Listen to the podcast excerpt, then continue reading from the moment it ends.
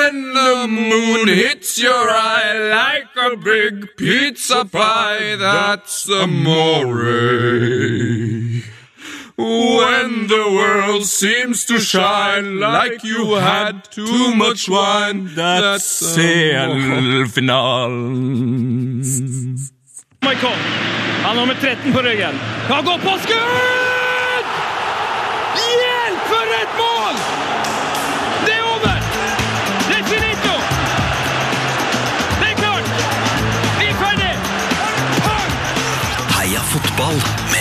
Lidbom og Sven Biskår Sunde. Heia fotball! Heia fotball! Heia fotball, Tetefar! Ja, Endelig er du tilbake! I'm back. Så utrolig deilig å se deg. Takk i like måte. Mm. Det er jo i overkant mye skjermer her, av typen dataskjermer, men jeg ser deg jo så vidt det er over eh, BenQ-en her. Hallo, jeg er her borte Ja, bak. PC-skjermen eh, fra K21, for de av dere der hjemme som noterer sånne ting. For dem av dere hjemme der som er ekstremt gode på lyd, så vil dere faktisk høre at lyden er litt annerledes her. Mer sånn radioaktig lyd. Litt åpnere, ja. Litt åpnere. Eh, crazy, crazy fotballuke vi er inne i. Jeg har prøvd å oppsummere litt, eh, altså, og det har skjedd noe som man aldri trodde ville skje. Sepp Blatter er borte fra Fifa. Ja, på en måte i hvert fall. Eh, det er jo helt ellevilt at det har skjedd. I tillegg så er det jo altså sånn at eh, VM begynner i Canada. Ja, det sparkes av i, i morgen. Det begynner i dag. Fotball-VM i Canada. Fotball-VM i Canada. Eh, det er ikke småtteri. Og så er det jo lørdag, da. Champions Den, League-finale. den store fotballagen. Altså da, da de aller største lagene møtes. Når det endelig de to møtes, og det er en storkamp. Rosenborg-Vålerenga. Ja! Fy fader, det blir gøy! Det er vilt. Tenk deg at du kan starte lørdagen klokka 15.30 og se Rosenborg-Vålerenga, Altså, Ja, Du kan iallfall se Vålerenga-Rosenborg. Ja, Vålerenga-Rosenborg. Og en, eh, neste, ja, en ti, ti, ti timer etterpå så har du sett eh, Champions League-finalen. Det er helt utrolig. Og så etter det kan du se åpningskampen i fotball-VM, som begynner fem på, fem på tolv. Altså. Strålende! Eh, annet vilt som har skjedd denne uka. Brann har vunnet to fotballkamper. det er det er jo utrolig. Eh, Messi har vunnet nok av trofeet. Tetefar har vært i Barca! Jeg har vært i Barcelona. Jeg har, øh, jeg har dessverre ikke vært på kamp. Jeg har sett liksom, området der Bilbao-fansen skulle feire. Helt nydelig. De fikk jo ingenting å feire øh, fordi Messi var så god. Og hva gjør jeg? Jo, jeg var jo på festival, øh, men så var jeg ute for å gjøre noe småærend. Og da måtte jeg også på do. Og da gikk jeg inn på en spansk pub, og jeg går altså inn akkurat idet Messi skårer en av øh, hans aller beste mål gjennom karrieren. Ja, Det var helt vilt. Jeg snappa det med telefon, som også da ble den siste snappen eh, jeg sendte med den telefonen. Mista telefonen. Oi, For en verdifull snap. Ja, det er, altså, Hvis du tok screenshot, screenshot av den snappen, så selg på eBay. Eh, Du var altså i Barca. Fikk du, eh, altså, fikk du gjort noe fantastisk der? Du, var du på noe kamp? Eh, nei. Eh, jeg valgte å ikke dra dit eh, siden, siden jeg ikke fikk se kamp. Det, det ha vært altfor irriterende. Og en annen veldig fin ting med Barcelona-turen min eh, var at jeg satt på det første direkteflyet mellom Barcelona og Trondheim. Noe som gjorde at vi ble tatt imot som konger. Så det var to sånne svære eh, sånn brannbiler som liksom spyla over oss. Ja, for det var åpning av rute. Ja, og da eh, sto også Stjørdals eh, ordfører der. Og, og var så sykt gira for at nordmenn endelig kunne kjøre direkte ned for å se kamp. Og så sto det også en del andre nerds i Barcelona-drakt og prøvde å spille fotball på flyplassen. Det var fint. Fantastisk. Eh, Du mista telefonen din i Barcelona, har vi stadfesta. Følte du da at du barsa på legen? Kanskje la den stå? Skal vi, skal vi gå for uh, Skal vi gå for Oh Yes? Oh yes! Heia fotball! Heia fotball! Heia fotball! Du, du skulle ønske at jeg flira litt høyere av uh... Jeg tror det var noen der hjemme som lo av barsa på leggen-vitsen min. Kanskje, mm, kanskje da, dagens gjest gjorde det òg. Det vet vi ikke ennå, for vi har ikke skrudd på mikrofonen hans. sin, eh, For vi skal introdusere han først. I dag, Tetefar, Ja. har vi for første gang med oss en gjest fra England. Ja. Eh, Ukas gjest er journalist og har hatt pennen eh, med seg i snippsekken og stikket til England. Eh, Du har sikkert sett han på TV, der han har jobba for TV2 opp mot Premier League-sendingene i flere år. Så har du sikkert lest han på trykk i fotballbladet Josimar. I det siste har du òg kunnet observere dagens gjest som undercover-journalist oh, ja. for Josimar i Qatar. Lars Sivertsen, velkommen til oss. Barsa på leggen, seriøst. Takk! Tusen takk. Det, det, Sitter jeg i et sånn studio på et av de eldste og mest ærverdige BBC-husene i, i verden, og så kommer bassa på leggen eh, i eteren, altså. Det, klokkene falt ned fra veggene, og lyset begynte å blinke. Det brenner på BBC nå. ja. Veldig mange døde radiomenn fra den gylne tidsalderen som liksom eh, spant flere ganger rundt i gravene sine under huset. Hold deg fast, det kommer til å bli verre. Eh, Du bor i, bor i London, eh, fotballjournalistenes mekka. Ja, det, det, det er vel det. Altså, det, er vel kan, det er vel litt sånn som det Hollywood er for filmindustrien. Altså, det skjer ting andre steder, men det er ikke fullt så viktig som det som skjer her. Det er i hvert fall sånn det føles, da. Det er kanskje en litt arrogant holdning for den London-baserte pressen å ha, men, eh, men, men det, er en fin plass å være. Det er en morsom plass å være. Eh, Så er du fra Bryne. Opprinnelig. Har du spilt fotball sjøl? Ikke veldig bra. Eh, Jeg innså vel når jeg var sånn 13-14 at dette her blir jeg ikke best i. Så da får jeg bare finne meg noe annet å gjøre. Jeg, jeg, jeg sto i mål eh, når, jeg var, når jeg var yngre. Ja, men jeg skal, jeg skal ikke påstå at jeg var noe bra. Altså. Det, det er sånn Man kan gjøre det med barnefotball når man har slutta, og det er sånn 15-20 år siden. At man kan dikte opp at man var dritbra, liksom, og hvis jeg bare hadde fått en sånn Men jeg, var- ikke noe bra. Jeg, var ikke det. Men, men, eh, men eh, altså, jeg har hørt at det blæs veldig mye på Bryne. Stemmer det?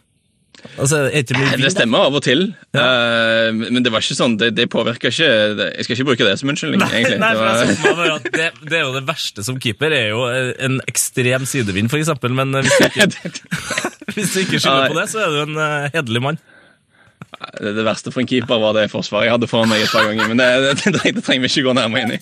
Eh, Men vi var inne på vind. Eh, Det har blåst relativt hardt rundt eh, Fifa denne uka. her. Åh, orkanstyrke. Det, det har det. Det har vært en surrealistisk uke. Eh, altså, du, altså, som jeg sa før sendinga altså, når, når, når, en, når en av delegatene på det som i praksis er et slags idrettsting, faktisk stikker av og går i dekning, så vet du at du er inne i en interessant uke. Altså. Det, det har vært helt utrolig. Blatter har slutta, så du den komme? Nei. Jeg, det, ingen gjorde vel egentlig det. Eh, for, bare fordi at hvis Blatter hadde vært en rasjonell og normal sjef, så hadde man jo kunnet si at det er en naturlig konsekvens av de skandalene. Men her snakker vi om en mann som har liksom han har stått helt fjellstøtt og urokkelig gjennom alle skandaler. Altså Han er, altså, han er komiker Ali fra Irak-krigen har ingenting på Blatter altså, når det gjelder å stå på talerstolen og si at alt er bra når alt egentlig er helt krise. Det har han gjort i så mange år. Så det var vel egentlig ingen som trodde at han faktisk skulle gå nå. Men, men det er nok et eksempel på at det endrer hele ballgamen at, at FBI er på banen. For da kan du ikke Da altså, kan du kødde tidligere- kødde rundt noe mer, liksom. Det var, jeg husker ikke hvem som det var, om det var Lance Armstrong eller Tyler Hamilton. Det var en av de gutta som sa i kjølvannet av den dopingskandalen at vet du hva, når det først kommer folk som har pistol på hofta, da, da, da er du på et helt annet nivå. liksom, Da kan du ikke kødde lenger. altså du kan, Det med Fifa, Vi har hatt avsløringer i media og etterforskninger av de der veike interne etiske komiteene deres. Det er greit, det kan du liksom drite litt i. Men når, eh, når The Feds kommer og skal bure deg inne i noen år, da må du plutselig eh, ta deg sammen. Åh, fy fader. Hvor mange var det som ble bura inne først? Det var jo, De der eh, arrestasjonene var jo ganske eh, filmaktige. Det var, og det skjedde liksom så mange steder. Det var, ikke bare, det var, det var sånn um, eh, raid i, i soloppgang på Fifa-hotellet i eh, Fifa-hotellet, det er litt urettferdig, med hotellet de bruker mange, mange av disse gutta i, i Zürich. Der man da hadde det fantastiske synet av liksom eh, pikkoloene og folkene som holdt opp ved laken for å dekke til folk. mens de ble, altså det, det er Ingenting å si på servicen på det hotellet der. altså Det, var, det ble en kjempereklame for, for det hotellet. altså Dersom du er en litt shady internasjonal type som kan bli hanka inn av FBI, så er det stedet å være. altså Fordi de passer på deg hvis, eh, hvis det verste skulle skje. Ja, men altså, de har jo hatt, de har hatt år med god tipsing, for de Fifa-pappaene har jo fått uh, rulla til seg noen eh, gode pengesedler her. Absolutt, og Det var fascinerende, for det var, jo, det var liksom sånn reid på Konkakaf sine kontorer i Florida. og sånn i tillegg. Det var en det var en skikkelig internasjonal dimensjon på dette. her. Det, var, det føltes litt som på slutten av en gangsterfilm, på en måte, når alt er avslørt, og du får en sånn montasje av politi som slår til og arresterer folk her og det. Dem her må jo bli Det en film. Det her må jo Ja, bli det en må det bli. Det må bli miniserie med, med Dawn Raids og, og mannen som stakk av, og, og, og Blatter som likevel vinner valget. Det er fantastisk på en mann. Eh, bare kaos, liksom. Det, det, det, det, det må bli en bra, det blir en bra miniserie, hele den prosessen, tror jeg. Stemmer det at det var en mann de ikke klarte å fucke òg, som på en måte Det, det var en som stakk av. Det var en som var på hotellet, men som muligens var sjekket unn, og nå skal jeg være forsiktig, for jeg har ikke alle detaljene, men det var en av folka som, en av folka som sto på lista, og folk som var sikta, befant seg på hotellet, men de, de fant han ikke. Det var mulig han var sjekket inn under et annet navn, eller noe sånt. Så han, han var, han var visstnok og spiste frokost omtrent på den tiden der raidene kom, og bare stakk av ut bak døra. Gjemte seg- bak en bagett, liksom. Det. Bak en dag. Det er, altså, det er veldig få Fifa-pamper FIFA som har liksom den eh, magemålet man må ha for å kunne gjemme seg bak en bagett. Det, Det la meg bare si det umiddelbart. Men Chuck eh, Blazer kunne aldri gjemt seg bak en bagett. nei, han, eh, kan, vi, kan vi snakke litt om han?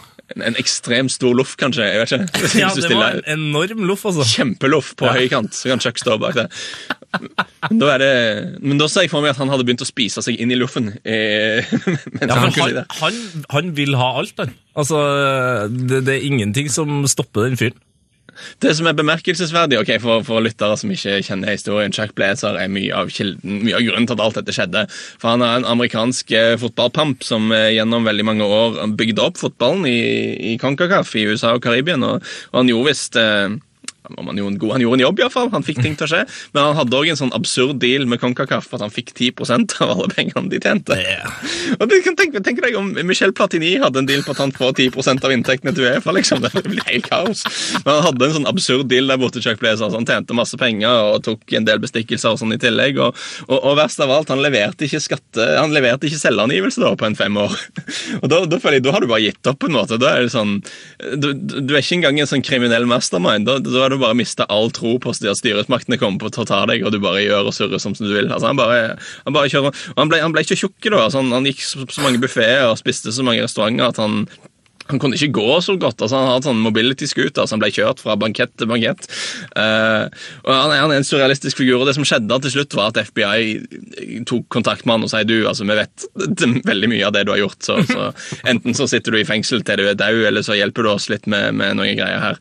Uh, så Chuck Blazer valgte å hjelpe, og, og, og hadde faktisk med seg uh, mikrofon. Han, han dro til London, OL i London her og møtte andre Fifa-pamper med en mikrofon skjult i en Fifa-nøkkelring.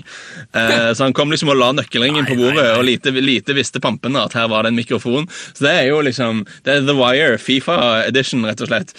Eh, og, og, og det er mye av bakgrunnen for de siktelsene.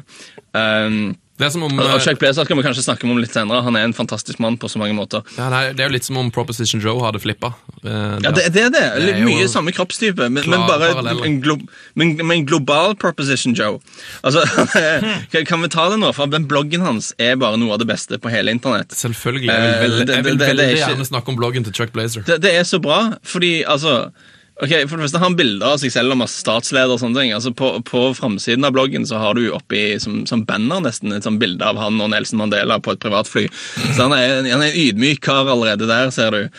Eh, og så er det en sånn rar blanding av bilder fra sånne komitémøter i Fifa og CONCACAF, og bilder fra Miss Universe-konkurranser og sånne ting. Altså, det, det, er en rar blogg som har bilder og utdrag fra sånne Women's Football Working Groups og sånne ting i Zürich, og så rett til Miss Universe. Det, da har man et bredt spektrum. Jeg sitter og ser på det nå. Det er, adressen er chuckblazer.blogspot.no, Ja, altså, det, faktisk. ja, .no, ja. Men altså, det Det må være feil. Men, Ja, men jeg, jeg Det kan ikke være .no. Travels with Chuck Blazer and his friends. Det er jo en fantastisk Ja, blogg.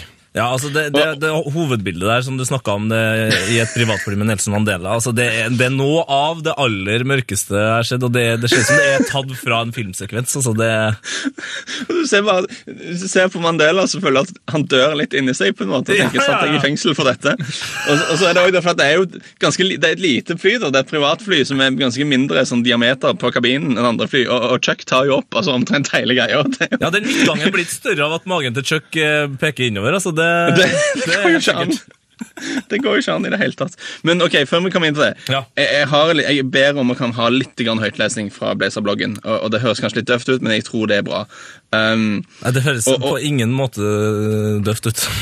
Og dette er fra det største og beste innlegget i Blazer-bloggen. Det, det, det må vi være enige om. Um, og da skriver Chuck eh, A firm handshake and a personable smile set the tone for what turned out to be a very special experience. Og da kan jeg spørre seg, Hvem snakker han om? Hvem er det han har dette faste håndshake med? Ehm, ja, Putin, da, kanskje? Det er Vladimir Putin! Veldig bra! Det er Vladimir Putin. A firm handshake and a personable smile. A very special experience. Ja, Vladimir Putin. Ja. The conversation began in a normal enough way, each of us thanking the other for making time for the visit. Genial welcomes continued until at one moment he looked at me with a very serious gaze and said, without cracking a smile, You know, you look like Karl Marx. så, det, så der har vi den. Men i- Og det, man kan jo bli satt ut av Putin. Ja, ja. Og så, og, og Chuck fortsetter. I guess I could have responded to his observation in a dozen unpredictable ways. Instead, I simply winked at him and said, I know. og, og, og Putin sier, This brought an immediate response with him, lifting his right arm up in the air and thrusting it forward to give me my first high five from a prime minister. Nice! Han har high-fiva Putin. Det må jo være, Ja, det det må jo være kødd. Si hva du vil om Fifa og fotballpamper, og, og, men dette systemet har altså gitt oss kanskje et av verdenshistoriens øyeblikk når Chuck Blazer high-fiva Vladimir Putin. Og jeg har lyst til å fortsette. Vi må ha mer av dette. Jeg er ikke ferdig. Og han, han, han er ikke ferdig heller. I must admit, I must admit, it was unique. After all we've heard about this famous leader of the Russian Republic with a work history in the KGB. So what? What? No. So who knew what to expect? I can tell you that this began half an hour of uh, uh, a half hour exchange of wit, charm and effective communications. Så der, der ser du, det er en grunn til at Putin er, er der han er. Han er en sjarmis. Han er det. Ifølge Chuck Og, og, en, og en liten ting, og, og nå kommer vi til i James Bond-skurk-territorium. uh, bare for, for å flagge dette opp. Following discussions on other topics, Mr. Putin rose and walked to a wall behind the table where his cabinet had just met. He slid open two massive doors, revealing a beautiful wooden inlaid map of the whole of Russia, which, he fi- which filled the expanse of the largest wall in the room. As he did this, he talked about a vacation he was about to go on during the waning days of summer. He walked from the western edge of the map, where his St. Petersburg home and Moscow are located, and walked to the right towards Siberia. He talked about the things he planned to do, but I must admit, I thought he was just trying to show me how very large the landmass of Russia is, walking from the map's western edge to the eastern perimeter. Så, så, så dette forteller oss at Vladimir Putin faktisk har en vegg som er et, et stort kart av Russland, som han kan bruke til å demonstrere hvor stort landet hans er. Og da, ja. Herregud. For en mann! Ja, det er jo sånn, jeg tenker, det, Man tenker jo at det er kødd. Uh, mye, av det Man- man hører, det? Man, mye av det man hører fra hele det her Fifa-spillet. Uh, men det som Ja. er, um, for å ta, ta et seriøst spørsmål for Blatter altså, han skulle jo Han stilte til gjenvalg, selv om han hadde lovt han skulle ikke gjøre det, eh, og ble valgt, men så plutselig slutta han. Og da er spørsmålet hvorfor slutta han? Betyr det at liksom, FBI har noe greier på han, da? Det er jo fristende å tro det. Eh, Jeg hadde blitt litt overraska, fordi at i mine år med å liksom jobbe med Fifa og snakke med folk som har jobba der, og folk som jobber der fortsatt, så inntrykket folk har, er at Blatter selv er ikke personlig korrupt i den forstand at han får brynekonvolutter under bordet og sånne ting. Og og det er jeg forberedt på å tro, egentlig, for han trenger jo strengt tatt ikke det. Altså, det anslås, altså Lønnen hans offentliggjøres ikke, men det anslås at lønnen hans er på flere millioner dollar. Og han, han får en syk per diem når han er på reisetur. altså Han får alt betalt. Han, han flyr gratis first class og, og privatfly overalt. Uh, han bespiser på de beste restauranter på Fifas regning. Og han er 79 år, så, så hva, skal han, hva skal han med penger, egentlig? Altså, hvor, han, han, han, er en mann som vil ha makt. Han er en mann som har lyst til å high five statsledere, og han har lyst til å liksom Det, er, det er livsstilen som gjør det for han. Og, og, og da, Det eneste som egentlig kunne true livsstilen hans skikkelig, var jo da om han blir tatt i å være korrupt. Så hvorfor gjør det? Altså, Det finnes ikke noe argument for han å, å være korrupt i det hele tatt. Ikke nå, iallfall. Kanskje når han ble valgt i 98. Det er en annen historie. Men, men, men sånn som det er nå, så er det mest mitt inntrykk av å snakke med folk som er Fifa-insidere, som det heter, så fint, er at Blatter er kanskje ikke korrupt, men Blatter er en veldig svak leder som har tillatt at veldig korrupte folk har fått holde på under hans ledelse, og han har ikke gjort noe med det. Og det er jo det som er utilgivelig, at han har satt det der i 17 år uten å gjøre noe med den kulturen som helt åpenbart eh, har eksistert. Um, og, og, det, og der kommer vi litt inn på det som er med reformer og sånn, for nå, nå, er, nå er kongen død, og det er flott, men det viktigste er jo at organisasjonen endrer seg. At, at vi ikke får en, en ny blatter, at vi ikke får en ny leder som bare lar eh, korrupte folk i hvor de nå enn måtte være. Nå må være forsiktige må ikke være rasistiske her, men, men det er nok en kjensgjerning at veldig mange av de som er involvert i disse sakene, er fra Karibien, og det har vært mye grums i mye afrikanske land og sånne ting. Vi må ha en struktur i organisasjonen som ikke gjør det så lett for de å holde på. Ja, for, for hjelper det noe at han er borte? For det, det virker jo som at det er gjennomkorrupt hele veien, så liksom, du må nesten legge ned Fifa og starte noe nytt med med noe helt annet. Og det, og, og det som òg har blitt sagt, er at liksom, noen steder så, Her i Vesten eller i Europa så, så kaller man jo korrupsjon. Mens i mange av de andre kulturene hvor liksom de her forbundene, jobber, da, så er det jo ikke, så er det, så er det liksom ikke er noe galt. Det er bare, det, det er bare et annet system som du, som faktisk du må gjøre. Helt riktig. Og, og hva er egentlig korrupsjon? Altså, Hvis vi skal snakke om Europa, så er jo Michel Platini det åpenbare eksempelet. Han var ikke nødvendigvis for Qatar-VM, helt til Qatar plutselig kjøpte Paris Saint-Germain og pumpa masse penger inn i fransk fotball, helt til Qatar eh, og Bean Sport kjøpte TV-rettighetene og berga økonomien til hele fransk klubbfotball, helt til han fikk beskjed av Nicolas Sarkozy at hei, vi skal selge noen jagerfly til Qatar, så det passer greit om du stemmer på dem. Eh, før, før alt det skjedde, var egentlig ikke Platini for Qatar, og så skjedde alt dette her, og, og landet hans tjente veldig gode penger, og fotballen i Frankrike tjente gode penger, og så var plutselig Platini for Qatar. Ja, og, Eh, og vi kan- ikke, og ikke, ikke minst sønnen til Platini i styret i PSG. Altså, altså, Ja, det, det, ja Sønnen til Platini har òg en Qatar-relatert jobb, men det er nok av mindre altså det, det er mer åpenbar som nepotismeforbindelse. Men jeg tror nok det er en mye større deal at eh, Frankrike eksporterer jagerfly for milliarder av euro til, eh, til Qatar, og Sarkozy banker på døra til Platini og sier du, hei. men, men jeg trenger en tjeneste her. Eh, det, det, det er nok en mye sånn jeg, jeg skjønner hvorfor afrikanere da liksom ser på måten de blir avskrevet som korrupte tullinger hele gjengen, mens Europa liksom er, er de som gjør alt riktig. Ser de på dette her og tenker hei, hei, hva er det som egentlig det er så korrupt og inhabilt som du, du får det til. Ja, og, det, og det, vi så det samme i Spania med Villalona som støtta Qatar, samtidig som Qatar liksom pumpa masse penger inn i spansk fotball gjennom Barcelona. Og òg dette er mindre kjent, at eh, Florentino Perez sitt byggeselskap, altså kilden til pengene til Florentino Penes, Perez Oi sann! Florentino Oi, Perez. Ja. Oi, oi, oi. Det var nesten, eh, det var nesten en litt sånn freudiansk bommert.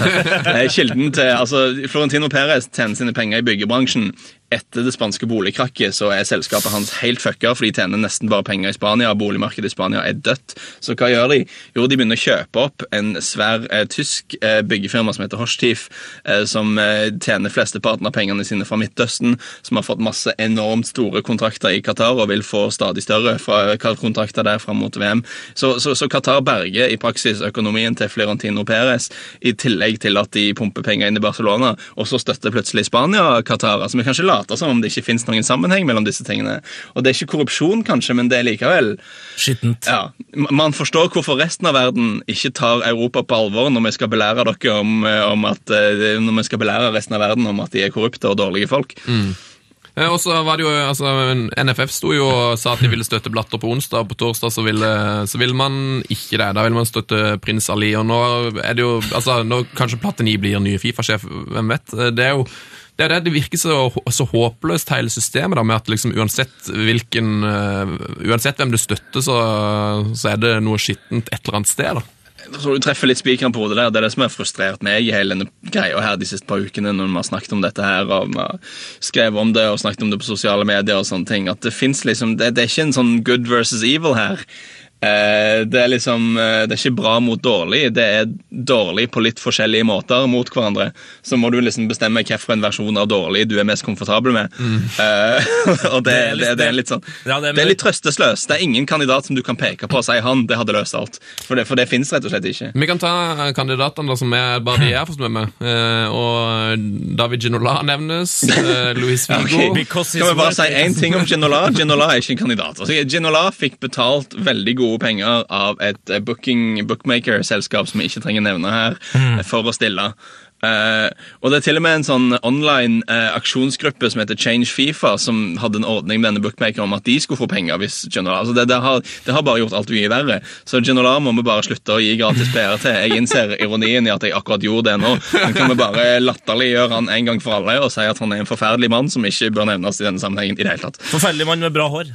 Ja, veldig bra hår. Jeg er sjalu på håret. Eh, historie om Ginola, faktisk, som eh, har vært eh, ekspert på engelsk TV. da. Eh, jeg kjenner en del av de andre ekspertene som er, har bedt seg merke i oppførselen til Ginola. For han er sånn, når han, kommer på, når han kommer i studio, så vil han ha champagne servert og sånne ting. Og han har alltid med seg en assistent. Og, altså, han er utrolig dekadent fyr. Er det sant? Men det er klart, når, ja, men det er klart skal, vi, skal vi finansiere en sånn livsstil, så er det ikke rart at han må ta penger fra bookmakere for å late som han er presidentkandidat kandidat i Fifa. Så det, det, det, men det er iallfall ikke løsningen på noe som helst. Nei. Nei, jeg kan Kandidatene som jeg har lest, i hvert fall, er Ginola, Figo, Prins Ali, Platini og George Vea. Eh, og sikkert mange, mange flere. Eh, er det noen av de her som eh, er- har en reell sjanse? Nei, men Vi må vente og se. Altså, det ligger litt i kortet at det blir en sånn en, en slags form for blattaristisk koalisjon. Eh, hvem som blir sjef for denne, det er et godt spørsmål. For jeg ville trodd før denne uken at det ville være Jeffrey Webb liksom, som skulle trå fram. Jeffrey Webb fra Caymanøyene. For han var, blitt, han var sjef for antidiskrimineringsdelen av Fifa, som hadde veldig mye gode overskrifter. og eh, Blatter hadde sagt veldig mye fint om han, og, han var liksom arveprinsen til Blatter, trodde mange. Men nå ble jo han arrestert, så det går jo ikke.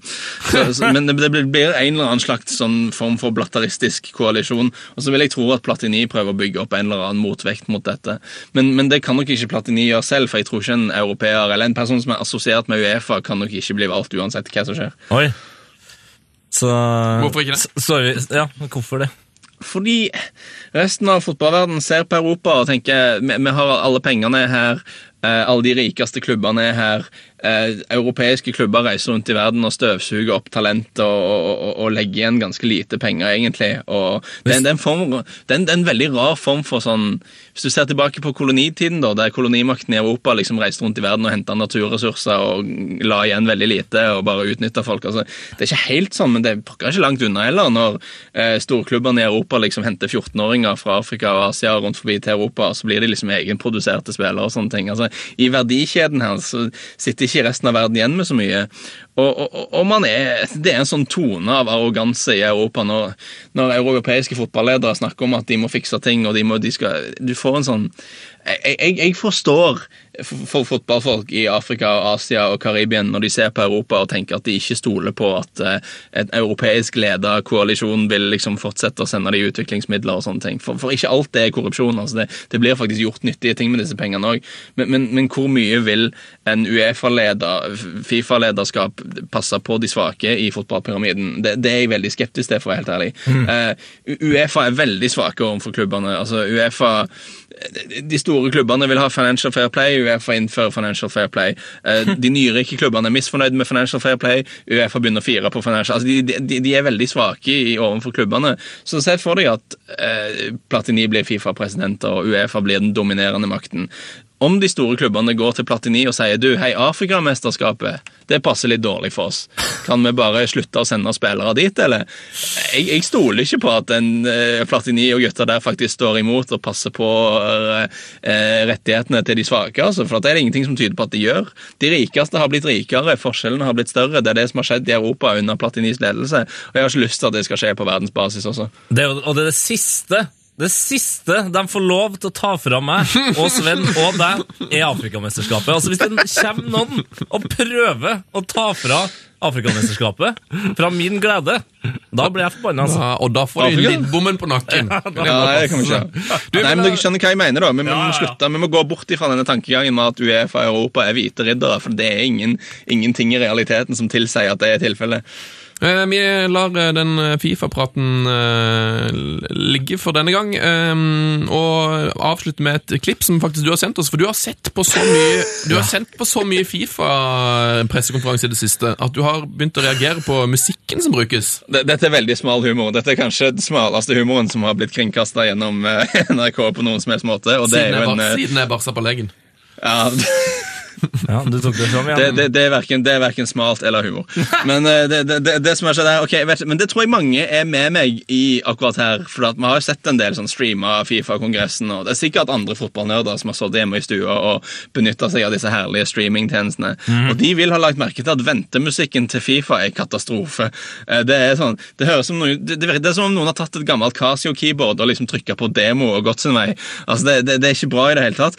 Eh, og det er noe sånn forferdelig chill-out-musikk. Og jeg, den dagen Blatter ga seg, så satt jeg og venta på denne pressekonferansen, som da ble utsatt i 45 minutter. Eh, og mens jeg venta, så hadde jeg streamen oppe, da, for dette, man, det lå jo i lufta at det skulle være skikkelige nyheter. Eh, så så, så hadde, jeg, hadde vi blitt avtalt at jeg skulle være med her, da, så jeg tenkte jeg skulle høre på uh, skulle høre gjennom forrige podkast for å høre hva, hva tonen var, hva opplegget var. og sånne ting, Og det var den uh, glimrende episoden med Jonas Berg eh, Johnsen, som er en flott mann for øvrig. Uh, og, og, da, og da hørte jeg på den episoden samtidig som jeg hadde den der forferdelige Fifa chill-out-musikken i bakgrunnen. og det passa ganske bra, egentlig, så jeg tok et lite opptak og sendte Du, det til dere. altså, nå skal vi høre da om, eh, om du kanskje er Norges nye Kygo. Her kommer et lite klipp som heter Heia chill out. Fordi jeg måtte jo eh, Jeg hadde noen ideer om hvem jeg ville ha med, men jeg måtte google litt. da, jeg må innrømme det. Marlon King. Jamaicanske spissen. Er dømt for mye. Han, er dømt for, han var den som var dømt for mest, for å si det sånn. Mest Ja, både i Barnet Gillingham Ja, det er vakkert. Ja, jeg hadde halvannen time med det der nesten, eller 45 minutter mens jeg ventet. Og det var, det var noe med rytmen i, i tempoet Jonas eh, snakker på, som bare passa med den musikken forferdelig bra. da. Altså- Så det, det gikk liksom i, i takt, egentlig. Det her går jo rett tilbake. For, altså, for meg minner det her om en av eh, de store hitene for en eh, 10-15 år siden. Bass Lerman sin 'Always Wears Sunscreen'. altså, det, det er liksom spoken word-elektro på sitt eh, aller beste, eller verste, eh, om du vil. Ja. Så dette er en skikkelig bra sånn collaboration mellom uh, Jonassen og, og Heia Fotball og chill-out-musikken til Fifa. Ja, altså, det det, kan- det er en, en uventet collaboration, kan vi si. Det var en collaboration verden ikke venta, ikke var klar for, og kanskje egentlig ikke hadde bruk for, men her er han iallfall. Like. Heia fotball! Nydelig. Fy fader. Eh, Lars Sivertsen. Jo. God dag, god dag. Veldig hyggelig å ha deg på besøk. Eh, du har vært, eh, sammen med Josemar og TV 2, nettopp vært i Qatar. Ja. Eh, og det Altså, du er, du er en av de få som jeg har sett, som har kommet seg inn i Qatar med TV-kamera og faktisk fått, fått vist bilder av disse her landsbyene hvor de fremmedarbeiderne bor. Hva, hva så du i Qatar? Ja, det, det, det er jo en lang historie. Um, nå får jeg også bruke anledningen til å rose TV 2s fotograf Frode Hoff, Ja. som er en grepa kar og en rutinert utenriksmann som har liksom blitt beskutt i Syria og vært i, midt i opprør i Egypt og sånne ting. Så det der med liksom, og, og muligens bli arrestert av sikkerhetspolitiet i Qatar tok han på strak arm. altså Jeg var kanskje litt mer stressa. Men uh, det, så, det, så sammen så gikk det veldig greit. Um, Hvor, hvor, vanskelig er det å få filma der, bare så folk skjønner det? Uh, komme seg inn der med kamera? Det er kanskje litt kontroversielt. I utgangspunktet skal, du søke på tillatelse. Men i min erfaring og for å snakke med kollegaer, så de som søker med på tillatelse, de får enten ikke svar, eller så får de avslag, og så blir de arresterte når de er der. For da vet liksom Da vet da vet, hvem da, vet de, da vet de hvem de er, og når de er der. Eh, Så jeg rett og slett tok en sjefsavgjørelse og bare dreit i å søke på løyver og sånne ting, for det, det, det, historikken viser at det er ikke vits. Hva er det der så der nede? Det er veldig vanskelig å snakke om, fordi mm, som nordmann så du, du har ikke referansepunkter til å sette deg inn i noe sånt. Altså, Vi har vokst opp i behagelig middelklasseliv i, i Norge. altså det, det, Vi har alt vi trenger materielt.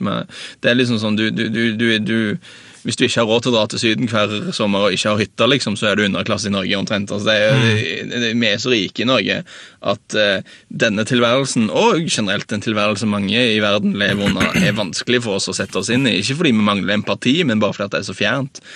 Eh, men det som er, det som er motbydelig med Qatar, er de forskjellene. Altså, det fins mange fattige folk i verden, fordi nå har den globale, globa, nå har den globale verdensorden blitt sånn.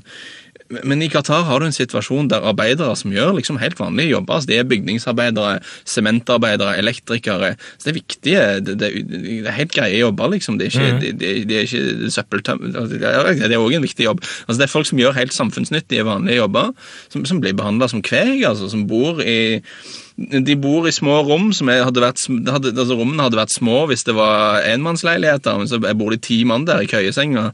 Eh, De spiser på kjøkken som er fullstendig motbydelig. De har ikke toalettfasiliteter skikkelig. Eh, De har ikke dusj skikkelig. Snakket med en mann eh, som jobba for et papirselskap. og Jobben hans var å gå gjennom søppel for å finne, for å finne papp som kan resirkuleres. Eh, det var det han gjorde hele dagen, å gå gjennom søppel. eh, og Så kom han hjem, og så har de ikke dusj hjemme.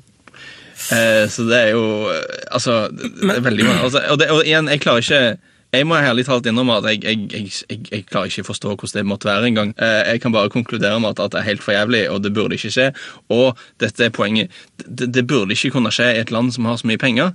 For, for her snakker vi om eh, et par, et par mil unna kornisjen, som er liksom den store halvsirkelen ved kysten i Doha, der alle skyskaperne er.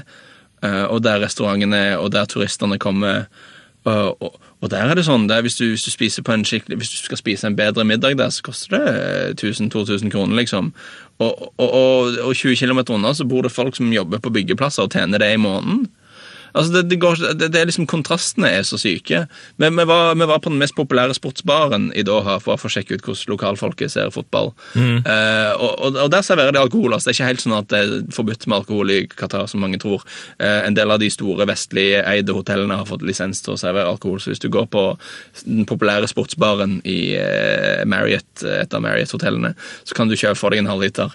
Men da koster en halvliter da, det er sånn Norgepriser, det er sånn opp til 80-100 kroner for en halvliter. Og det er mer enn de gutta har i dagslønn, de som bygger disse skyskaperne. Og, og, og da snakker vi om forskjeller internt i et bitte lite land på størrelse med Buskerud. Uh, der, der the wealth gap, altså forskjellen på rik og fattig, er bare helt pervers. Og det er ingen grunn til at det skal være sånn. De har så mye penger, Qatar. De, de har råd til å lønne bygningsarbeiderne sine skikkelig. Så det er helt umulig å forstå hvorfor, hvorfor det er sånn. Og enda, mer, enda verre, det er umulig å forstå hvorfor det ikke endrer seg. Eh, For dette er ikke en helt ny sak. Det har, det har på en måte blitt avslørt for et par år siden at, at de, har det dårlig.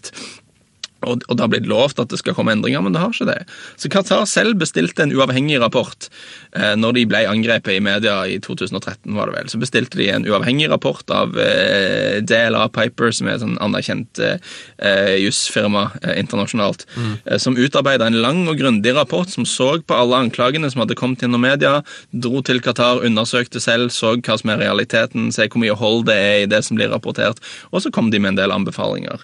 Og en av anbefalingene de kom med, helt konkret, var å, at Qatar umiddelbart må begynne å ha presise tall for hvor mange som dør, for det virker som det er veldig mange som dør, men det er ingen som vet nøyaktig og de bør umiddelbart undersøke alle disse dødsfallene. Og det har de ikke gjort. Og jeg kan ikke skjønne hvordan et land som har råd til Altså, kan, Qatar har brukt mer penger på eh, vestlige PR-firmaer for å bekjempe liksom, det dårlige medieimaget de har fått, enn de har brukt på å undersøke hvorfor folk dør på, på av byggeplassene deres. Og, og da har du et menneskesyn som jeg ikke syns hører noe sted hjemme. altså.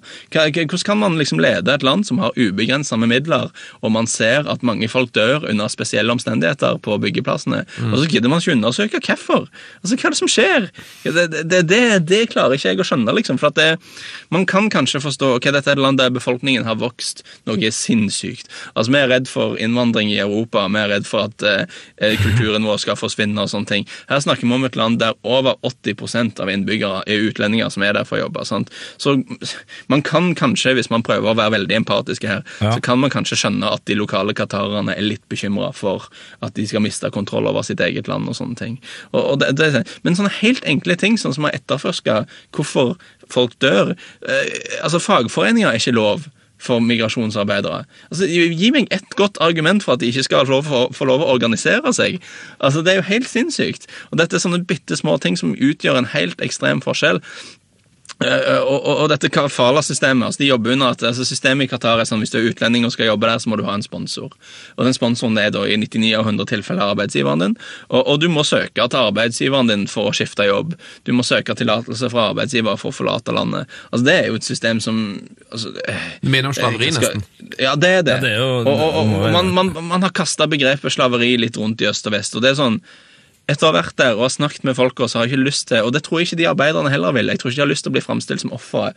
Eh, fordi dette er hardtarbeidende folk som har forlatt familien sin, og de har gjort det. Eh, De vet, de, vet, i de vet i stor grad hva de går til. Altså, okay, de blir løyet til, ganske mange av de. De blir forespeila litt mer lønn og de blir litt bedre forhold. Men de vet at dette ikke kommer til å bli noen fest. Men de drar fordi at hvis du jobber i noen år eh, Hvis du er fra Nepal, lutfattig land, og du jobber i noen år som elektriker i Qatar, selv om du får skrekkelig dårlig betalt etter våre standarder, så kan du sende hjem nok penger til at ungene dine kan gå på skole. Det er det, Eh, og- og det, er, det er det eneste valget de har, da, kan du si. Altså, Ja. det, det er litt det som gjør det, og da spiller det ingen rolle om risikoen er at du dør.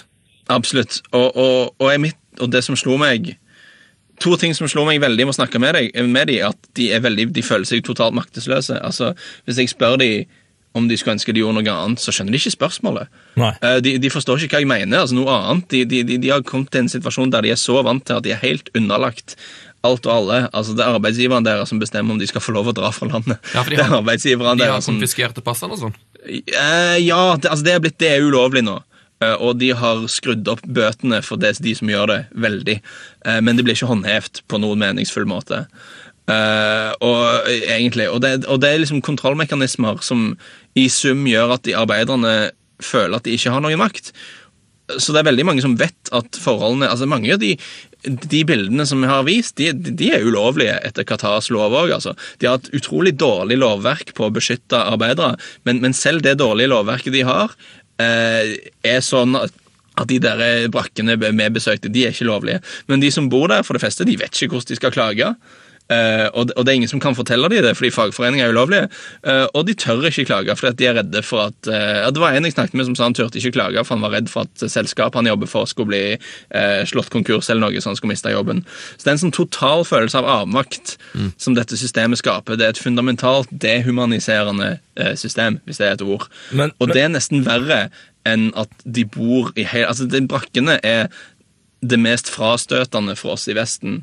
Og det er det når du ser det, som jeg sier, det er så vanskelig for meg å sette meg inn i, for det er så fjernt for alt jeg opplever, Jeg skal være ærlig nok til å innrømme det. Ja. Det er grusomt, og det er forferdelig.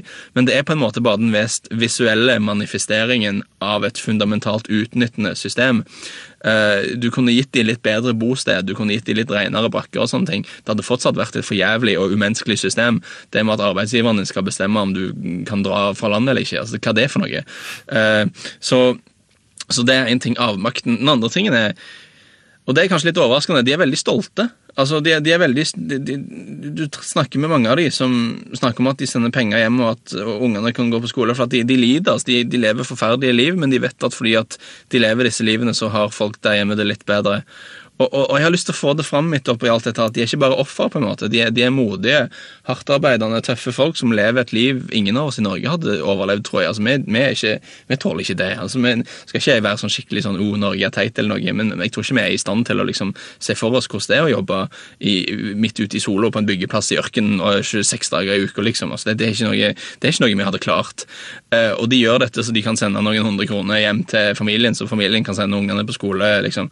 Det, det, det, det, det er folk som fortjener mye bedre. Eh, og det, det er folk som blir behandla på, på en inhuman måte. Og, og Qatar har kanskje noen legitime argumenter i at de går gjennom helt ekstreme demografiske endringer som skjer utrolig fort, som er vanskelig for et lite land å, å, å, å henge med og, og ordne. Og det er klart, hvis de hadde åpna og gjort et helt sånn åpent arbeidsmarked sånn som vi har i Vesten, så hadde det jo blitt kaos. Eh, Det, det, det er klart, det kan jeg skjønne, hvis de hadde avskaffa kafala i morgen. eh, Og alle disse, for, de fleste av disse får for eksempel, disse brakkene får de gjennom selskapet. de fleste av de. Så da måtte, de fleste, da måtte du plutselig ha en privat boligsektor som ikke eksisterer per i dag. Eh, altså Det er mange sånne ting som du ikke Du kan ikke gjøre det over natta, det har de rett i, men de gjør ikke de små tinga. Det er et par enkle ting som de kunne gjort for å gjøre livet mer levelig for disse folkene som bygger skyskraperne deres, og de gjør det ikke. Det er små ting som ikke hadde kosta noe, som ikke hadde vært vanskelig for samfunnet, som de nekter å innføre. Og da kan jeg bare konkludere, konkludere med at de ikke bryr seg, at de ikke gidder, at det er menneskesynet deres som er problemet. Ja, det virker, det virker veldig håpløst. Jeg skulle gjerne snakka mer om det, men vi må videre. Men bare til slutt. eh, Det blir, det blir det sånn at de skal arrangere VM? Er det noe sånn, er det noen sjanse for at de faktisk kommer til å bli fratatt det? Det kan, det kan skje. Alt er mulig. Det- det- det er Eh, veldig- Spesielt når, eh, når FBI er på banen, så er alt mulig. Eh, Jeg vil være litt forsiktig med å altså, det, det er litt innvikla, dette her. Det er ikke, nødvendig sånn at, det er ikke nødvendigvis sånn at Blatter var liksom mannen bak Qatar-VM. Det er ikke sant i det hele tatt. Altså, Blatter stemte ikke på Qatar. Blatter liker ikke Qatar spesielt godt. Han gjorde en deal med emiren på at eh, på at han skulle beskytte Qatar-VM dersom Mohammed bin Hammam trakk seg fra presidentvalget i 2011, var det vel. Men det er lenge siden. Bin Hammam er utestengt på livstid nå. altså. Og om det er noe Blatter har gjort mange ganger, så er det å bryte avtaler med gamle allierte som han ikke trenger lenger. Så, så, så, jeg vet ikke om Jeg er ærlig talt ikke sikker på om sjansen er større eller mindre for at uh, Qatar-VM forsvinner etter at Blatter ble, ble, av, eh, ble avsatt. Men det, det, kan skje. Alt er mulig nå, nå som, spesielt nå som FBI er på banen og de har tilgang til dokumenter og sånne ting, så vet man aldri. Men, men det må jeg må si at Fifa er ansvarlig. Altså, I Fifas egne tekniske rapport, deres egen tekniske vurdering av søknaden til Qatar, så står det at alt er basert på fasiliteter som ikke er bygd ennå. Så, så du leser den, og det er helt tydelig at det må ekstreme investeringer i infrastruktur til for at VM skal kunne gjennomføres. Samme år kommer både Amnesty og Human Rights Watch ut med rapporter som forklarer at spesielt byggearbeidere blir utnytta i Qatar på det groveste. Fifa, eksekutivkomiteen, bestemmer likevel for å legge VM til Qatar. Da er du ansvarlig. Altså, hvis du, vet, hvis, hvis, hvis du bor i en bygd der du har en snekker som du vet ikke betaler folka sine, og er en konebanker og en forferdelig mann og sånn, hvis du gir han i oppdrag å bygge huset ditt, da har du et lite ansvar for det som skjer, mener jeg. altså. Du har et stort ansvar. Eh, ja, jeg, jeg vil påstå det. Du Og er det er det Qatar- ansvarlig, rett og slett. ja, det er det, det, det Fifa har gjort. Så når fotballedere står og sier at dette er selskapene sin, sitt ansvar, og sånn, det må de lenger ut. De, de må lenger ut på, i en helt annen skog. Med, altså det, det er helt latterlig. Eh, Så, så Fifa er direkte ansvarlig for det som skjer. Fifa har før krevd at land endrer lovverket sitt om de skal ha VM, for at de vil ikke at sponsorene sine skal betale skatt og sånne ting. Eh, Hvorfor kan de ikke gå inn og kreve endringer i Qatar? Det, det, det finnes det ikke noe godt svar på. Vi lar det være siste ord i eh, denne praten om eh, Qatar. P3s Heia fotball. Heia fotball. Med Tete Lidbom og Sven Biskår Sunde. Og Lars Og Lars Sivertsen fra BBC. fra BBC. BBC, Fra BBC. Zone. Ja, det, det, det, gamle, sånne, det er gammelt utstyr her, og det, det, det er kult. altså. Men det, det er faktisk en LP-spiller eh, Wow! rett ved siden av meg. ja. Jeg har, jeg har en eh, LP-spiller her. Jeg har en Eriksson-telefon som ser ut som han er fra 1800-tallet. En Eriksson-telefon? En beige Eriksson-telefon med sånne knapper på. og... em, det står ikke når den er bygd, altså, men den er ikke, den er ikke ny. den her. Altså. Jeg skal ta et bilde og sende til dere. Du må gjøre det. Men, men apropos eh, å for eksempel møte på Jeremy Clarkson når du jobba for TV 2, så sto du jo eh, veldig ofte og mye i Mixzone. eh, og der har Ja. du jo møtt et par greie karakterer, annet José Mourinho. Ja, den gangen, ja. Det ble jo litt legendarisk. ja, det ble jo litt Eh, legendarisk. Det jeg vil si om det, var at i den kampen så hadde ikke jeg monitor der jeg satt, så den kontroversielle straffesituasjonen som det ble litt sånn pinlig stemning på, den hadde ikke jeg sett. Nei. Eh, Så jeg ante ikke hva fasiten var. sant? Altså Hvis jeg hadde sett situasjonen, så visste jeg jo at det var bare piss, den straffen. Så da kunne jeg ha følt meg komfortabel i å presse han litt. på en måte. Men, men, men, når jeg spiller han spørsmål, og han Og det er liksom et av partytriksene til Mourinho, alle vet det. altså Når han får et spørsmål han ikke liker, så prøver han å dra fokus bort ved å vende det tilbake på journalisten og sånne ting. Det, det ligger liksom i, kode, i, i juksekodeboka til Mourinho. Og, hvis jeg hadde sett situasjonen, så hadde jeg jo vært mer komfortabel med det. Men siden jeg strengt tatt ikke ante hva som hadde skjedd, så var jeg liksom ikke helt sikker på hva jeg skulle gjøre. Eh, Så da måtte jeg bare liksom prøve å vise til at det har vært litt diskusjon. sånn Det ble utrolig veikt. Han var, han 14, han var, han var 14 der da. Men hvilken, hvilken situasjon var det for de som ikke har sett det? Det var en Det var, straffesituasjon. mot, det var hjemme mot West Bromwich, der han holdt på Den der hjemmestatistikken hans, den der syke hjemmestatistikken hans holdt på å ryke. Eh, og så fikk de et latterlig straffe helt på slutten. Eh, og Det var den kampen Jonas Olsson tilta òg, tror jeg. Det var en liten slåsskamp i tunnelen etterpå. Der, eh, der Jonas Olsson og Mourinho holdt på å gå på hverandre, faktisk. Da tror jeg kanskje Jonas Olsson hadde vunnet. Nei, jeg tror, jeg tror ikke det. Men jeg tror jo også kanskje Terry og Miquel og de store gutta på, Chelsea kanskje hadde kommet til unnsetning. Ja, det det hadde, det hadde, det hadde, jeg hadde betalt gode penger for å se det. i hvert fall. Men det som jeg hadde jo faktisk intervju med Olsson etter kampen òg, men han ville jo ikke si noe selvfølgelig om det der. Men i alle fall, det var, var, det var litt muggen stemning, for Mourinho visste at han Mourinho visste han hadde blitt berga av en latterlig dommeravgjørelse. Ja. Og det passer liksom ikke narrativet han prøver å danne, for han prøver jo å bygge dette her. Alle er imot oss, dommerne er imot oss, fotballforbundet er imot oss, alle er imot oss. Så når han da havner i en situasjon der han faktisk har blitt berga av dommerne, så går det liksom imot hele Det går veldig imot det verdensbildet han prøver å bygge opp, eh, og da blir han veldig furten, da. Eh, og spesielt når det kommer sånne skjeggete, rufsete reportere fra land han ikke har hørt om, liksom, så så skal begynne å liksom spørre han spørsmål. For det, det, det skal nevnes. Um, Chelsea er en av de klubbene i England som er best på å få manageren til å stille opp og ta intervjuer. Oh, ja. De har en utrolig flink eh, pressesjef som heter Steve Atkins, som har jobba på den engelske ambassaden i Washington, faktisk.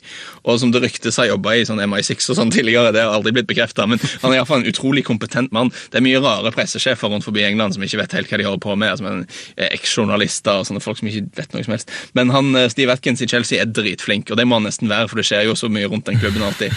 Eh, men han er en av de få eh, pressesjefene i Premier League som jeg har sett har tvunget manageren til å gjøre TV-intervjuer. liksom. Eh, for, for det, det, det er kanskje noe folk ikke er klar over, hvor mye presse disse folka må gjøre.